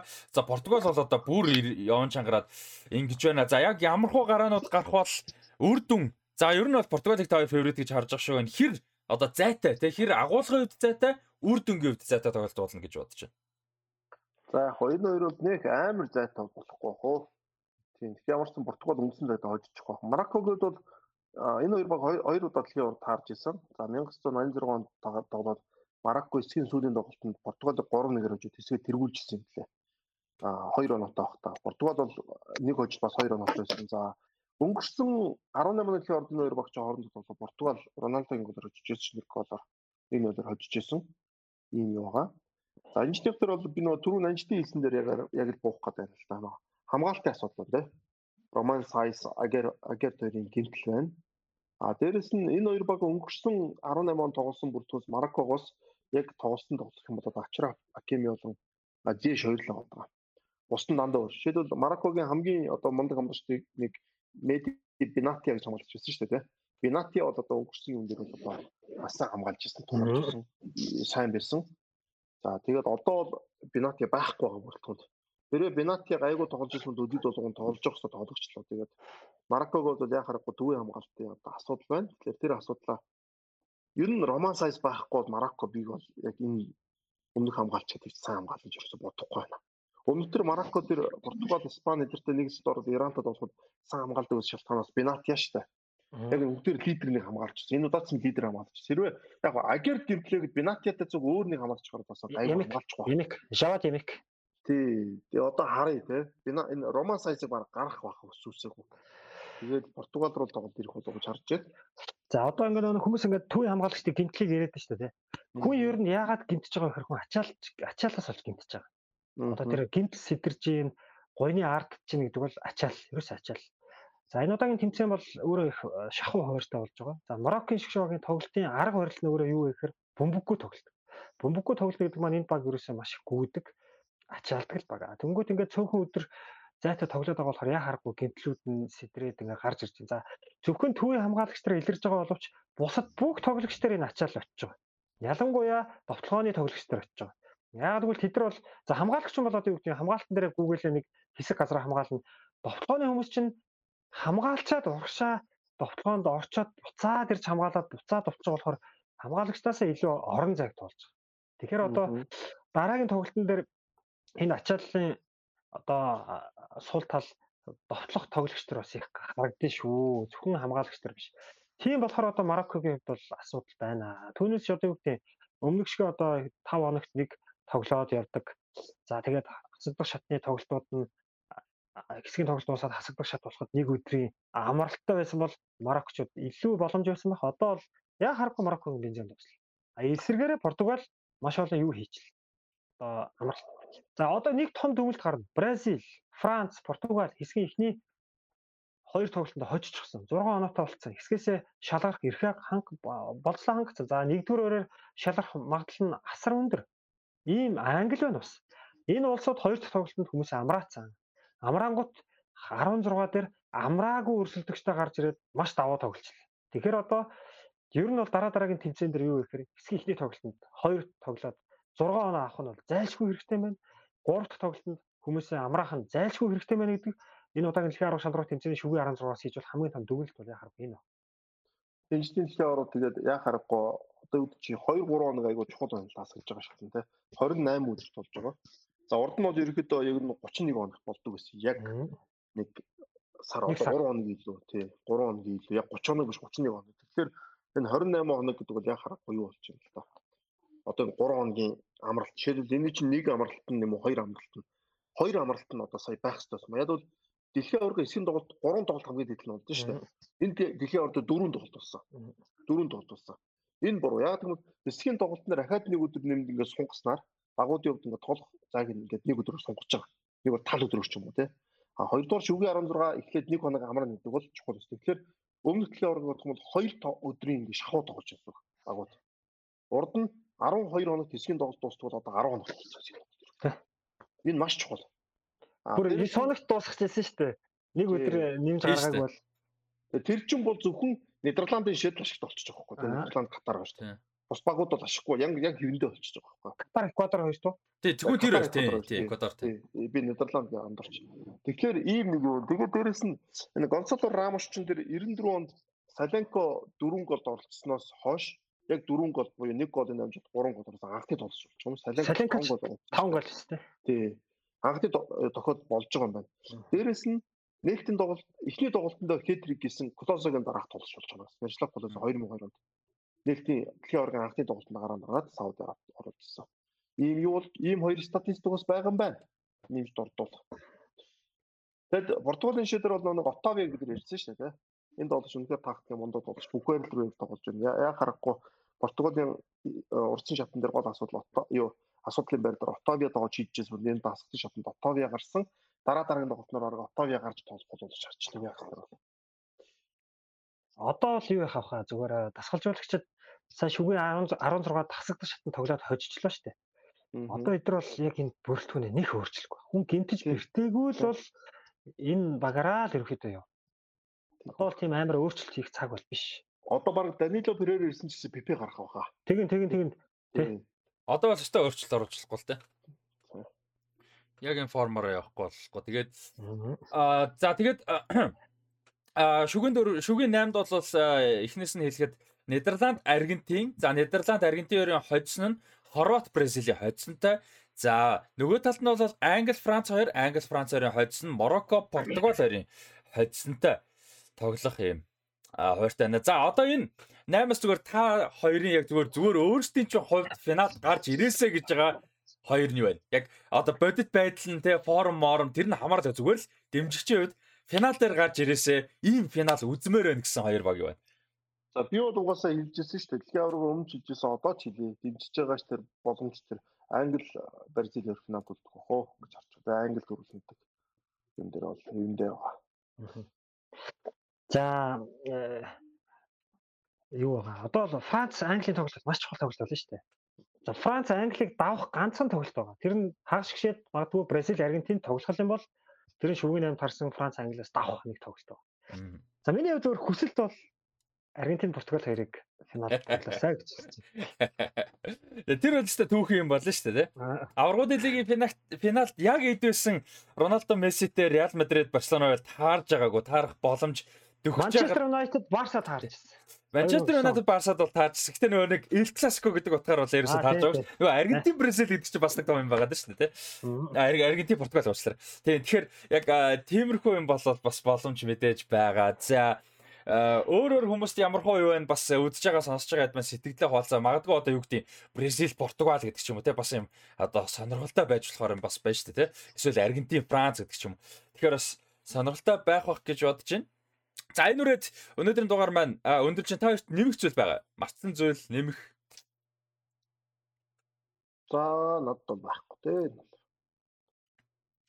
За тэгээд дэлхийн 10 шалралт тэмцээн гоё болж байна. Одоо шүгэн 8-д бол бас үнэхээр сайн 8 баг гараад ирлээ. Хүмүүс л яг жоохон Морокког сайн юу гэдэг те. Сүүлийн үед бас нэг сайн тоглог болохоор арай нэг сул баг гараад ирлээ гэж бодож магадгүй. Гэхдээ ерөөсөө тийм биш шүү. Тоглолт болгоом бол одоо халаан болно. Одоо ингээ 2 хоног амарчлаа те. Тэглээ. Одоо өчигдөр амарчлаа, өнөөдөр амарчлаа. Энэ нь одоо юу гэдэг багуудад эргээд нөгөө тэнцүү өөрчлөлт тийм боломжийг бол айл аль багт өгч байгаа шүү. Аа. За тэгээд э, мэдээж шүгэн 8-ын 2 тоглолт 4 э, тоглолт болол А 5 дахь өдрийн орой 11-ээс шөнө 3-аас хагас өдрийн орой 11-ээс шөнө 3-аас яваад ингээд дууснаа бүх тоглолтуудыг одоо ингээд үлдсэн ерөөсөө эн чинь хэдийн тоглолт үлдэж байгаа юм те үлдсэн 8 тоглолт тий 8 тоглолт. 8 тоглолтыг бүгдээр ингээд веб спорт лаунч дээр бол гаргана. Та бүхэн маань цуглаарай. Зөндөө асуулт хариулт уралдаан тэмцээн шагнал шагнал одоо урамшуултай тэмцээнүүд бол явагдана. А та бүхэн бүгдээрэнд нь оролцох боломжтой ороорой. За тэгээд нөгөө нэг юуны шүүгийн хэсгийн шатны юу урамшуул зарласан байгаа. Тэрний ялагчийг бол би өөрөө яатсан байгаа. Тодруулж байгаа. Тодруулсан тодруулсан байгаа. Тэгээ одоо энэ бичлэг ороход бол аль хэдийн YouTube комментар нь бол ялагчт нь холбогдоод бичсэн байх болно. За тийм учраас ялагчтай бас баяр хүргэе. За тэгээ өнөөдрийн дугаар дугаартай байсан та бүхэндээ баярлалаа. Тэгээд өнөөдрийн дугаар ивент тэтгэгчээр ажиллаж байгаа Хасбанкны хамт олондоо баярлалаа. За Хасбанкны хувьд бол дэлхийн аваргын гоё карт гаргасан байгаа та бүхэн маань Хасбанкныхаа аппаар шууд захиалаад хүргүүлээд авах боломжтой. За энэ аппаараа худал энэ картаараа худалдаа авалт хийсний хүрээнд бол одоо бас айгүй олон гоё урамшууллуудад бол оролцох юм боломжтой байгаа юм байна шүү. Та бүхэн нэмэлт мэдээллийг Хас банкны Facebook хуудасаас бас авах боломжтой байгаа. Тэгээ Хас банкны хамт олондоо баярлалаа.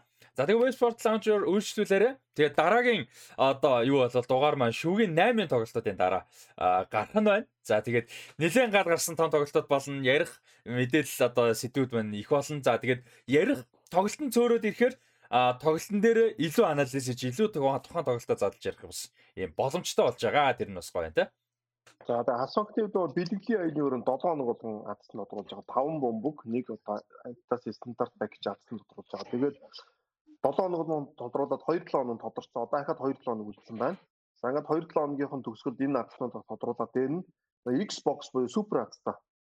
Премиум одоо пакэж адсан тодруулсан. Тэгэхээр та Асбанкны дэлхийн аврагын картыг захиалж аваад захиалсан хүмүүс дундаас дээрэс нь гүйлгээ хийсэн хүмүүс дундаас тодруулах учраас та бүхэн цаг дээр урд нь одсон хүмүүст одоо юу гэж одоо хонжир хонжироос хасагчиж байгаа юм байна.